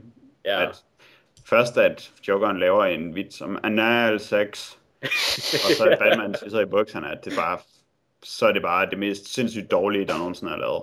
Ja. Meget irriterende. Jeg tror virkelig også, Kevin Smith er god til at blive øh, lagt for had i USA. Um, folk kan overhovedet ikke lide ham. Okay. Det er sådan lidt generelt, at det er sådan en, man bare sådan... Det, han er sådan en, man bare kan gøre grin med. Han er bare sådan lidt, lidt ynkelig og lidt dum og sådan noget. Hmm. Jeg ved ikke. Han, det, er en- det er en sjov, øh, ja, en sjov rolle, han har. Jeg troede, alle kunne lide Kevin Smith. Nej. Men apropos, hvordan øh, Batman er anderledes i den her historie, så er det også en af de ting, der altid er lidt irriterende ved sådan nogle superheltehistorier, fordi de på den ene side, så har de en meget lang udstrækning i tid, altså siden 1939 er der Ja. blevet fortalt historier, og så hvis nogen, de vil skrive en historie, der på en eller anden måde er anderledes, for eksempel hvis Batman skal overføre, opføre sig anderledes, så virker det bare sådan meget voldsomt, at han pludselig er en helt anden, når man skal ændre deres personlighed, og ligeledes, at han lige pludselig skal have den her romance til et kvindemenneske, og så tager det bare sådan seks numre, så er han klar til at øh, afsløre alt og gå på pension og gifte sig og sådan noget. Ja. Det synes jeg også er, det føles meget voldsomt, når man Ja. ja. er vant til det og stadig i tempo. Ej, det accelererer så også lige i, i 6. issue, ikke? Ja, jamen, det gør det selvfølgelig. Øh, Hvor, hvor det så, altså, eller er det i 5. hvor han frier? en af de to i hvert fald. Men det kan, jamen, altså, måske går det Ej, også det- sådan lidt for stærkt i serien. Men øh, tidshorisonten, der er jo selvfølgelig vanvittigt at, at forene med en, en karakter, der har en historie tilbage til 39. Men lige med The Widening Gyre, så på en måde både for øh, langsomt og for hurtigt, fordi det virker nemlig som om, at han giver altså rigtig god tid til at udfolde forholdet i de første efter, og så lige pludselig Ja. kommer han i tanke om, at øh, der lige skal være, at der skal ske noget til sidst, og så gør det meget hurtigere. Jeg synes især den scene, hvor Batman sådan, øh, kører rundt i sin Batmobil og er lykkelig over, at han snart skal giftes, og hans kommende liv er bare skøn og alt muligt. Og så lige pludselig, så får han sådan en hjerneblødning, hvor han beslutter sig for, at hun er en robot, Ja, og så kører han hen og rykker hendes hår af, og bare gør det på sådan en vildt mærkelig og måde, hvor han jo bare kunne sige, hey, må jeg ikke lige få et af dine hår, jeg skal lige teste, om du er en robot. Og så i stedet, så skal han sådan køre dem af vejen og rykke hende rundt. Og, Ja. noget. og det virker meget øh, pludseligt og meget forhastet. Og Det er meget jerk-agtigt. Ja, Det ja, er som jerk. det er rigtigt. Det er rigtigt. Det er, det er måske lidt heavy-handed på en eller anden måde. Men at, jeg tror, det er måske meningen, at, at Kevin Smith, der vil prøve at ligesom portrættere, at Batman er, det ved jeg ikke, lidt af en jerk måske. men det er, også, altså, det er også en nødvendig scene for at forklare, hvorfor han ikke er mere mistænksom ja. over for Baphomet, end han er. ja, Jamen, det er rigtigt. Så, men det virker virkelig bare som et, øh, en plot nødvendighed, mere end det virker som noget, der kommer organisk ud af historien. Ja, Jamen, det er rigtigt. Men sådan synes jeg tit, det er med, man kan sige, øh, problemer i, i forhold i, i mange sådan, ja, amerikanske medier. At der er den der tendens til, at man bare har accepteret, at selvom folk er 35 år, så er de stadig teenager, når det kommer til forhold. Og så skal de være hysteriske og åndssvage i alle sammenhæng. Og det, Ja. ja. det er meget let at slippe afsted med sådan noget. Og det er lidt mærkeligt. Jeg synes, det er, er faktisk meget irriterende. Ikke så længe det er det DKK podcast, der har vagten, Nej. så bliver folk kaldt ud på de ikke det. afsted med det. Jeg vil øvrigt lige øh, påpege, øh, bare lige for at vende, tilbage til det der med, med fans reaktion og så videre, og at, øh, hvad var det, Jack, det var dig, der havde hørt, at det her det skulle være cirka den værste Batman-historie nogensinde, eller sådan noget. Nej, det var ikke mig. Det var Paul. Altså, Var det ikke dig? Ja, ja, jo, det er mig. Jeg har læst det, Det er dig? eller Okay. læst det på to blogs. Ja, okay. Øhm, jeg, jeg, jeg, kiggede, jeg kiggede sådan lidt mere efter i de her folks reaktioner og så videre, og øh, en, som, en anmelder, jeg så, som ikke var særlig glad for den, øh, han, lad os lige se, han, følgende bits tog han alvorligt, hvor øh, Silver St. Cloud, øh, hun blev fortalt om, at, øh, at Bruce Wayne, han havde på et tidspunkt en ung sygeplejerske, sygeplejerske studerende med hjemme, og at de havde, de havde så rent faktisk samleje, går man ud fra.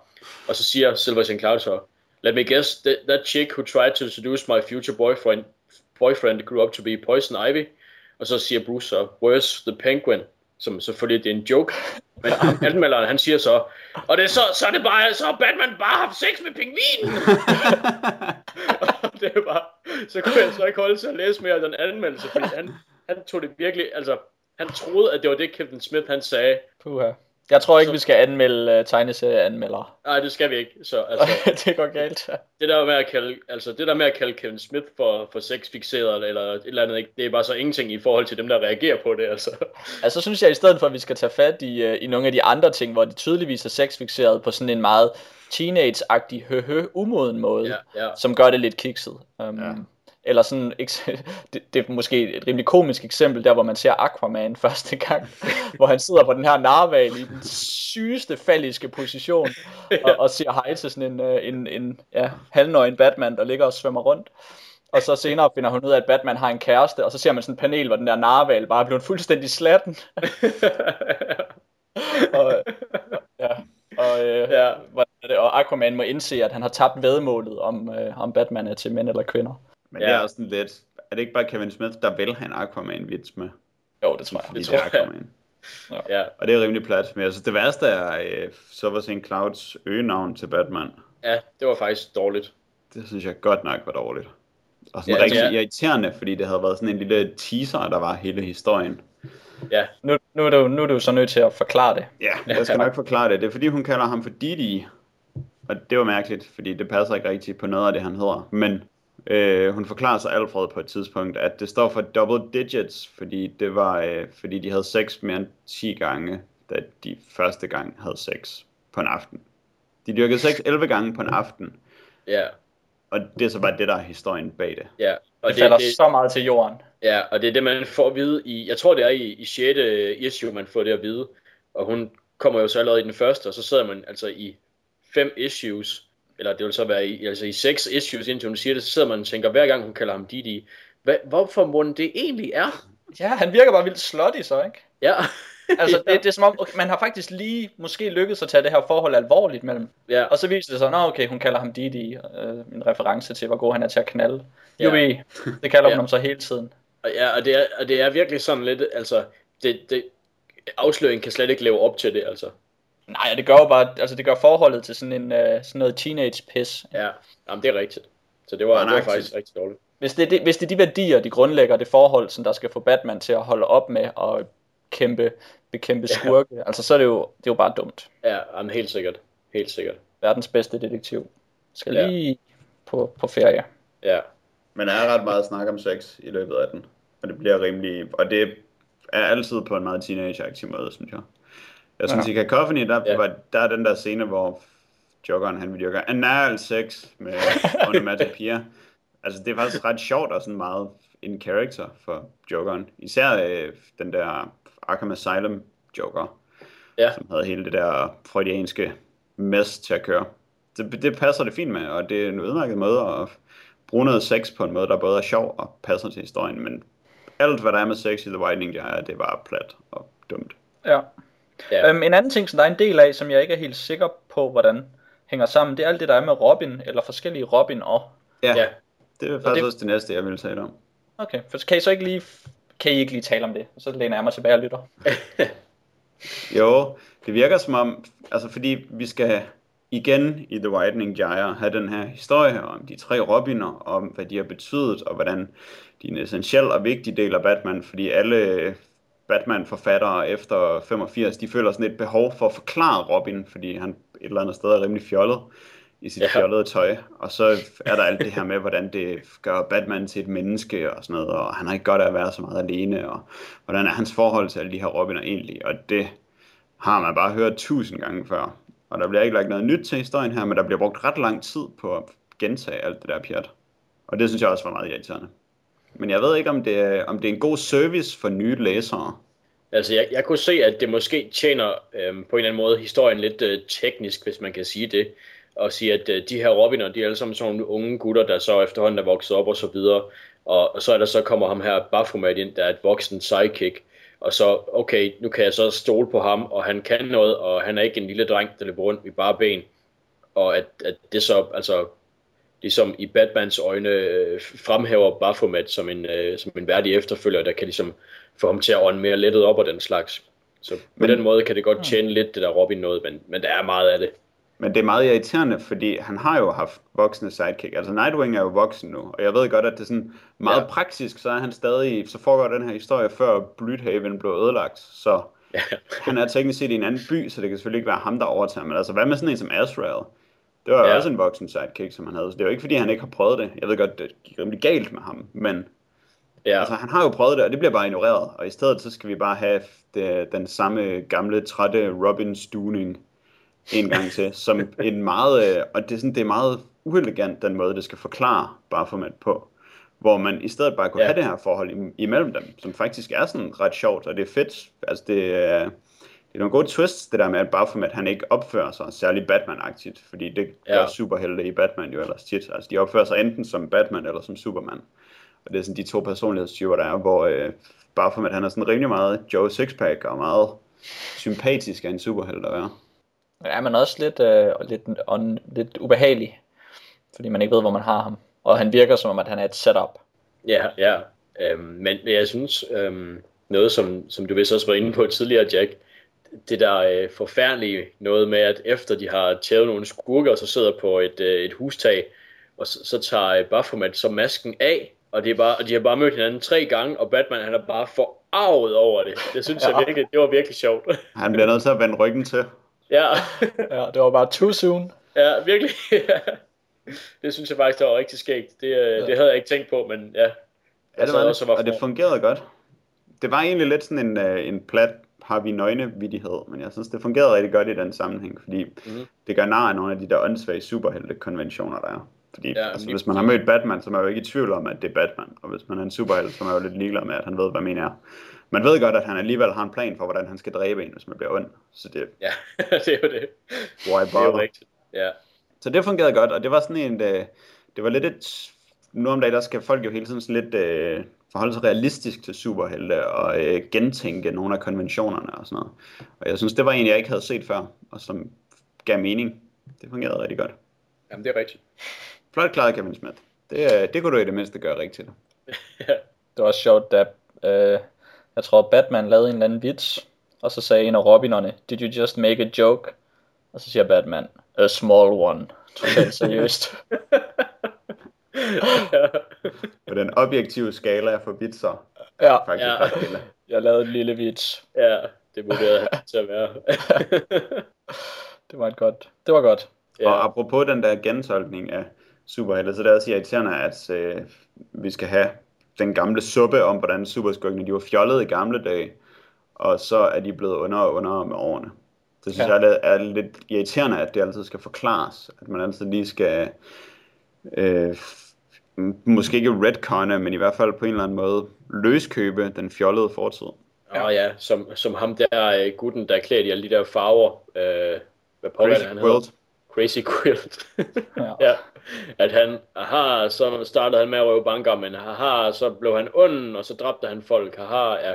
Det synes jeg måske også, der var lidt fjollet. Ja, nu er han en øh, badass, som har syet sine øjne sammen og dræber øjenlæger. det er det Crazy Quilt er blevet til nu om dagen. Jeg lød helt ærlig. Det var ikke... Det er ikke okay, og det er unødvendigt. ja, ja, men altså, der er jo rimelig meget humor. Der er ret meget plathed. Sådan, ja. der, der, hvor han kan finde plads til det, kommer det ind. Der er også sådan lidt deadpan humor. I, jeg tror, der er sådan en scene, hvor Batman og ham der, Baphomet, står på et hustag, og Baphomet er med at forklare sig omkring et eller andet. Og så er der sådan et helt tomt panel, hvor de ikke siger noget, hvor de bare står. Og så det næste panel, så siger Batman, You're not a stoner, are you? og, så, og, så, og så videre. Og det der, Ja. den giver ingen mening. Det er bare sådan et tomt panel, hvor de bare ikke siger noget, som om at Baphomet ligesom har ordet, men så bare ikke siger noget. Ikke fortsætter sin sætning. Ja, det var også ret fjollet, det han sagde, inden der var den pinlige stillhed. Var det det? Men Lagde det op til, at han bare skulle sige det, og så ikke sige noget? Ja, det synes jeg, fordi han rambler, fordi han er nervøs. Nå, ja, ja, jeg tror, det er rigtigt, ja. Så siger han sådan en masse fjollet sludder. Ja, Så står Så Batman det- lige og venter et beat. ja, Men der er jo også, det, det hører med til historien, at Kevin Smith øh, for nylig har opdaget marijuana, og hvor fantastisk det er, og inspirerende at ryge sig skæv. Og det er nemlig noget, der lige er sket i forbindelse med, at han lavede den her tegneserie, tror jeg. Øh, og så øh, det, han har lavet efter Zack and Miri Makes a Porn. Og det er der så også en del af i den her tegneserie, kan man sige. Både at Poisons Ivy prøver at gøre ham skæv, ja, det er rigtigt. Og så en stoner-vits. Men det var åndssvagt, fordi Batman ville jo sagtens kunne lugte, om nogen var en stoner. Så der er ikke nogen grund til at spørge om det. Nej. Batman fail Kevin Smith. Ja, Batman fail. Det synes jeg er nogle fine sidste ord. um, jeg synes, vi skal, vi skal til Kevin Smith generelt, og, øh, og til den her omgang af emner. Og så synes jeg lige, vi skal dvæle over øh, barndomstraume-temaet nu, fordi det har vi ikke rigtig talt om. Hvordan dvæler man? Sådan her. Og, Vi dvæler lige nu. Der er sådan et panel, hvor vi ikke siger noget. Ja. Jeg, jeg sidder bare og tænker på, at både måske er en stoner. Kan, vi, kan vi bruge det til noget? Det er helt nyt for os, det her. Ja. Hmm. Det var nogle... Øh...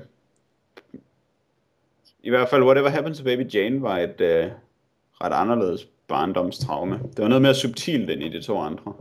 Ja. Men Batmans barndomstraume og Isaacs barndomstraume var vel egentlig ret lig hinanden. Hele den psykoseksuelle labyrint, som øh, Isaac bliver fanget i nede i kælderen, den har vi jo måske ikke set os så meget udspillet med Batman lige sådan i situationen, men så Den skal er de begge to bekæmpe sådan nogle øh, billeder på det, der tog deres forældre fra dem. Ja, jeg tror faktisk også, der er en direkte reference til barndomstraumer i en af samtalerne, Batman har med Baphomet, hvor han spørger, om han har et psykologisk trauma fra hans ungdom, eller måske reflekterer han bare over det. At han balancerer et tungt psykologisk trauma fra sin barndom. ja jeg, jeg tror, jeg kan huske det faktisk. Så, men det er vel bare noget, der ligger i alle superhelte. Og at de har et forkvaklet forhold til deres forældre. Det har de tit i hvert fald. Men øh, Baphomets traume, det virkede ikke som om det var et barndomstraume, men det var til gengæld sådan en rimelig plat scene, der hvor han forklarer Batman om det hele. Og hvor han begynder at græde og falder ham om halsen. Og, øh, hvorfor slår de min bror ihjel? Ja, Nå ja. det var behageligt. Ja. Ja, på Ja, sådan det en, var- øh, hvorfor er du så pinlig aktiv måde? ja. Ja. Ikke rigtigt, fordi man synes, det var synd for ham. Han er nok en stoner, det tror jeg. Men jeg ved ikke, om vi kan bruge barndomstraume-temaet til noget. Fordi det er jo ikke det, som gør nogen af historierne interessante. Nej vel? Det er jo, Ikke som sådan, nej. Selvom de alle sammen handler om konsekvenserne af det, så er det jo konsekvenserne, der er det spændende. Og barndomstraumer er så generelle, at alle har et eller andet i en eller anden afskygning. Eller om det så er et traume eller ej, det, må, det er jo et spørgsmål om graden, ikke? Ja. Så det bliver måske lidt ligegyldigt. Det kan godt være, at det går lidt meget i baggrunden. Vi kan relativisere det og sige, at alt er barndomstraumer. Ja, jeg synes, det skal vi gøre.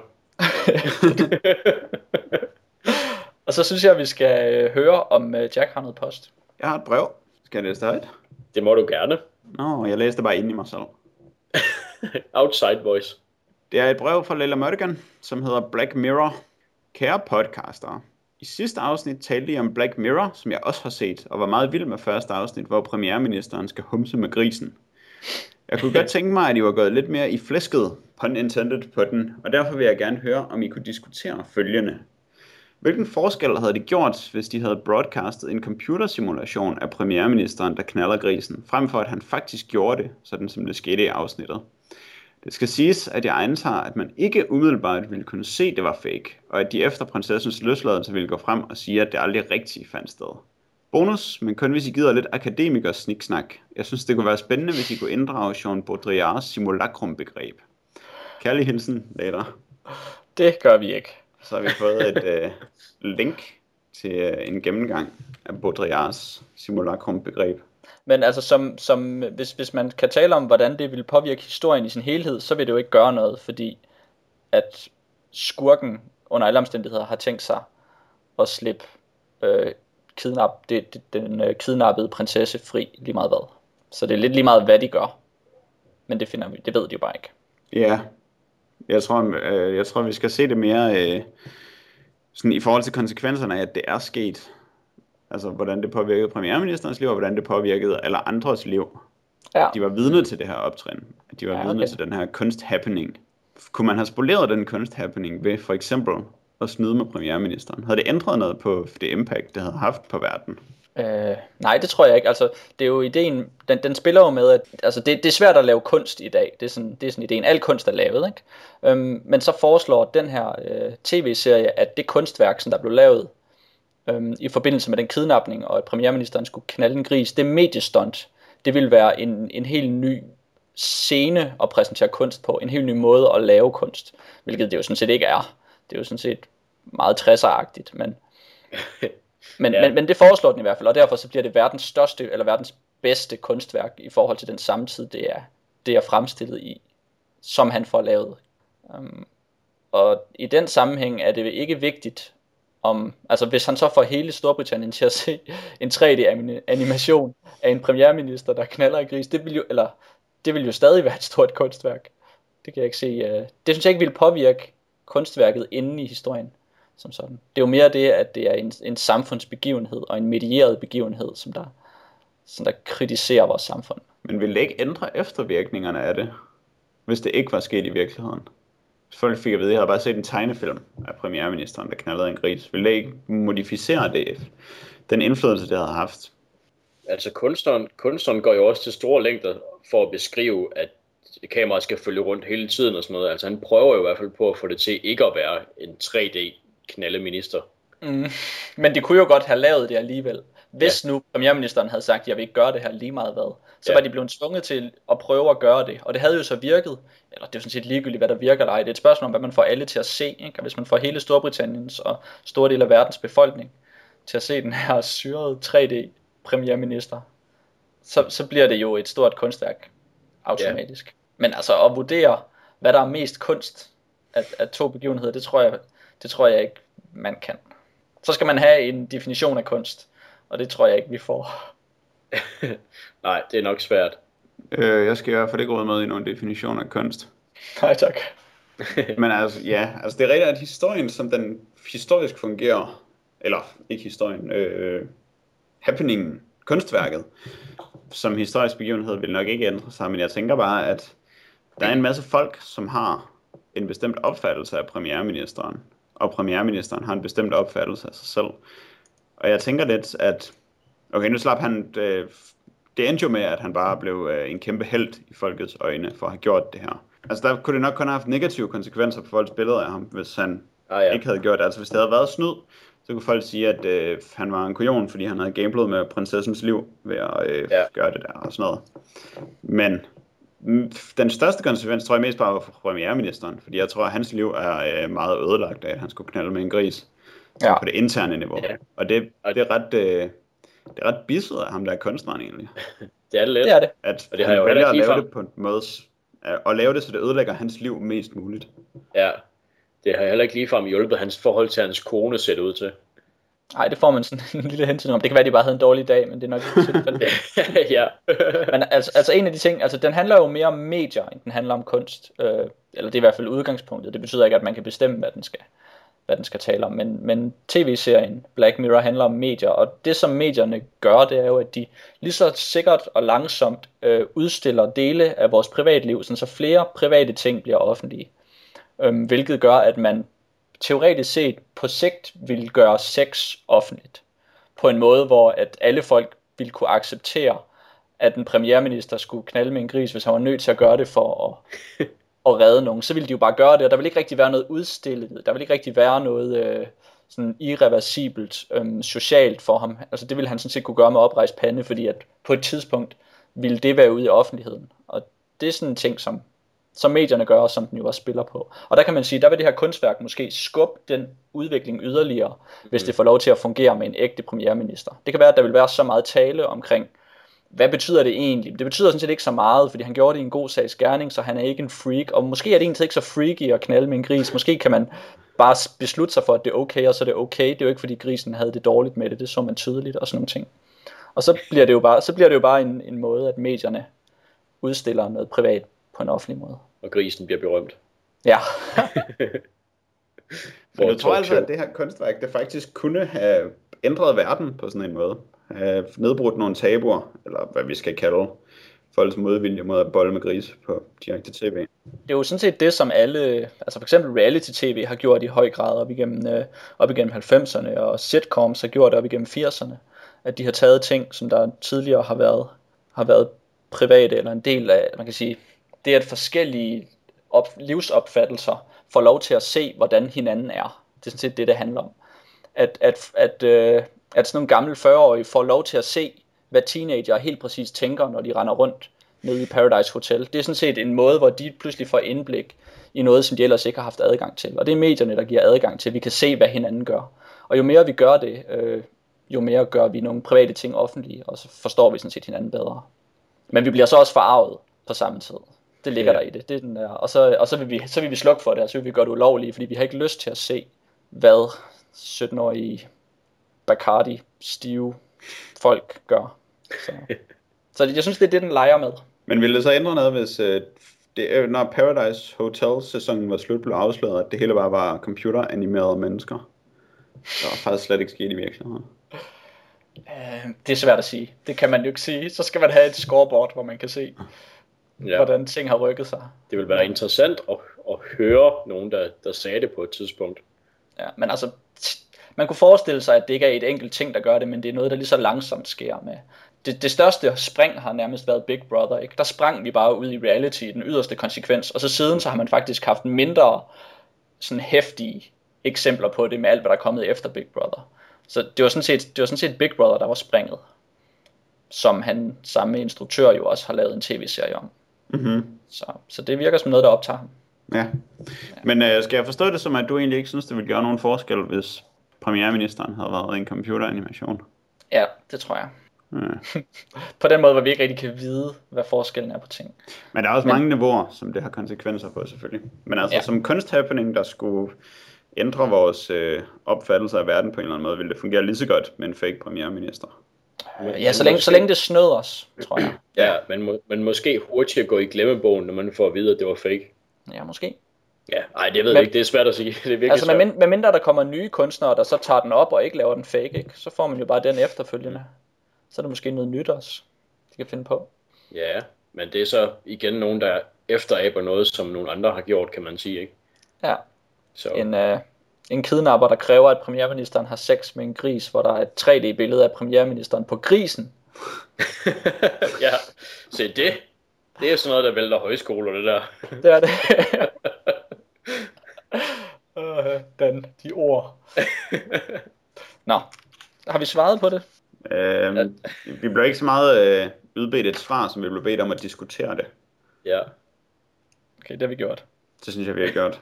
Øh, jeg havde desværre ikke tid til at læse om Baudrillards simulacrum begreb, der brevet først kom tidligere i dag. Ej, jeg kender det ikke. Men øh, det, lyder, det vil jeg læse i min fritid.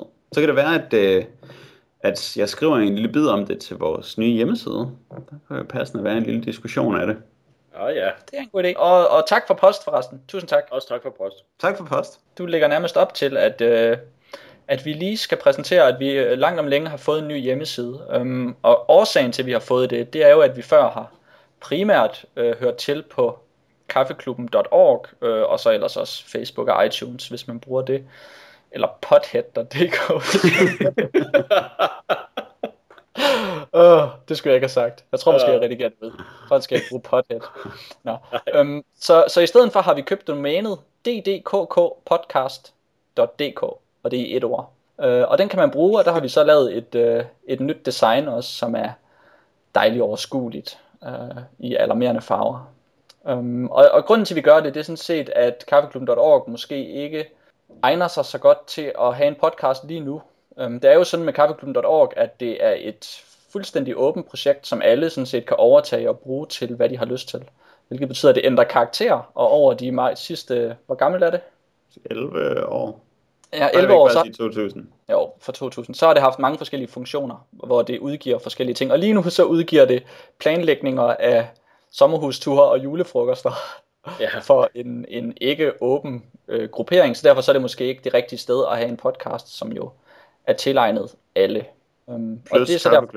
er et kæmpe kaos, og en podcast er egentlig ret simpel, ja. når man skal organisere den som en mængde data. Det er rigtigt.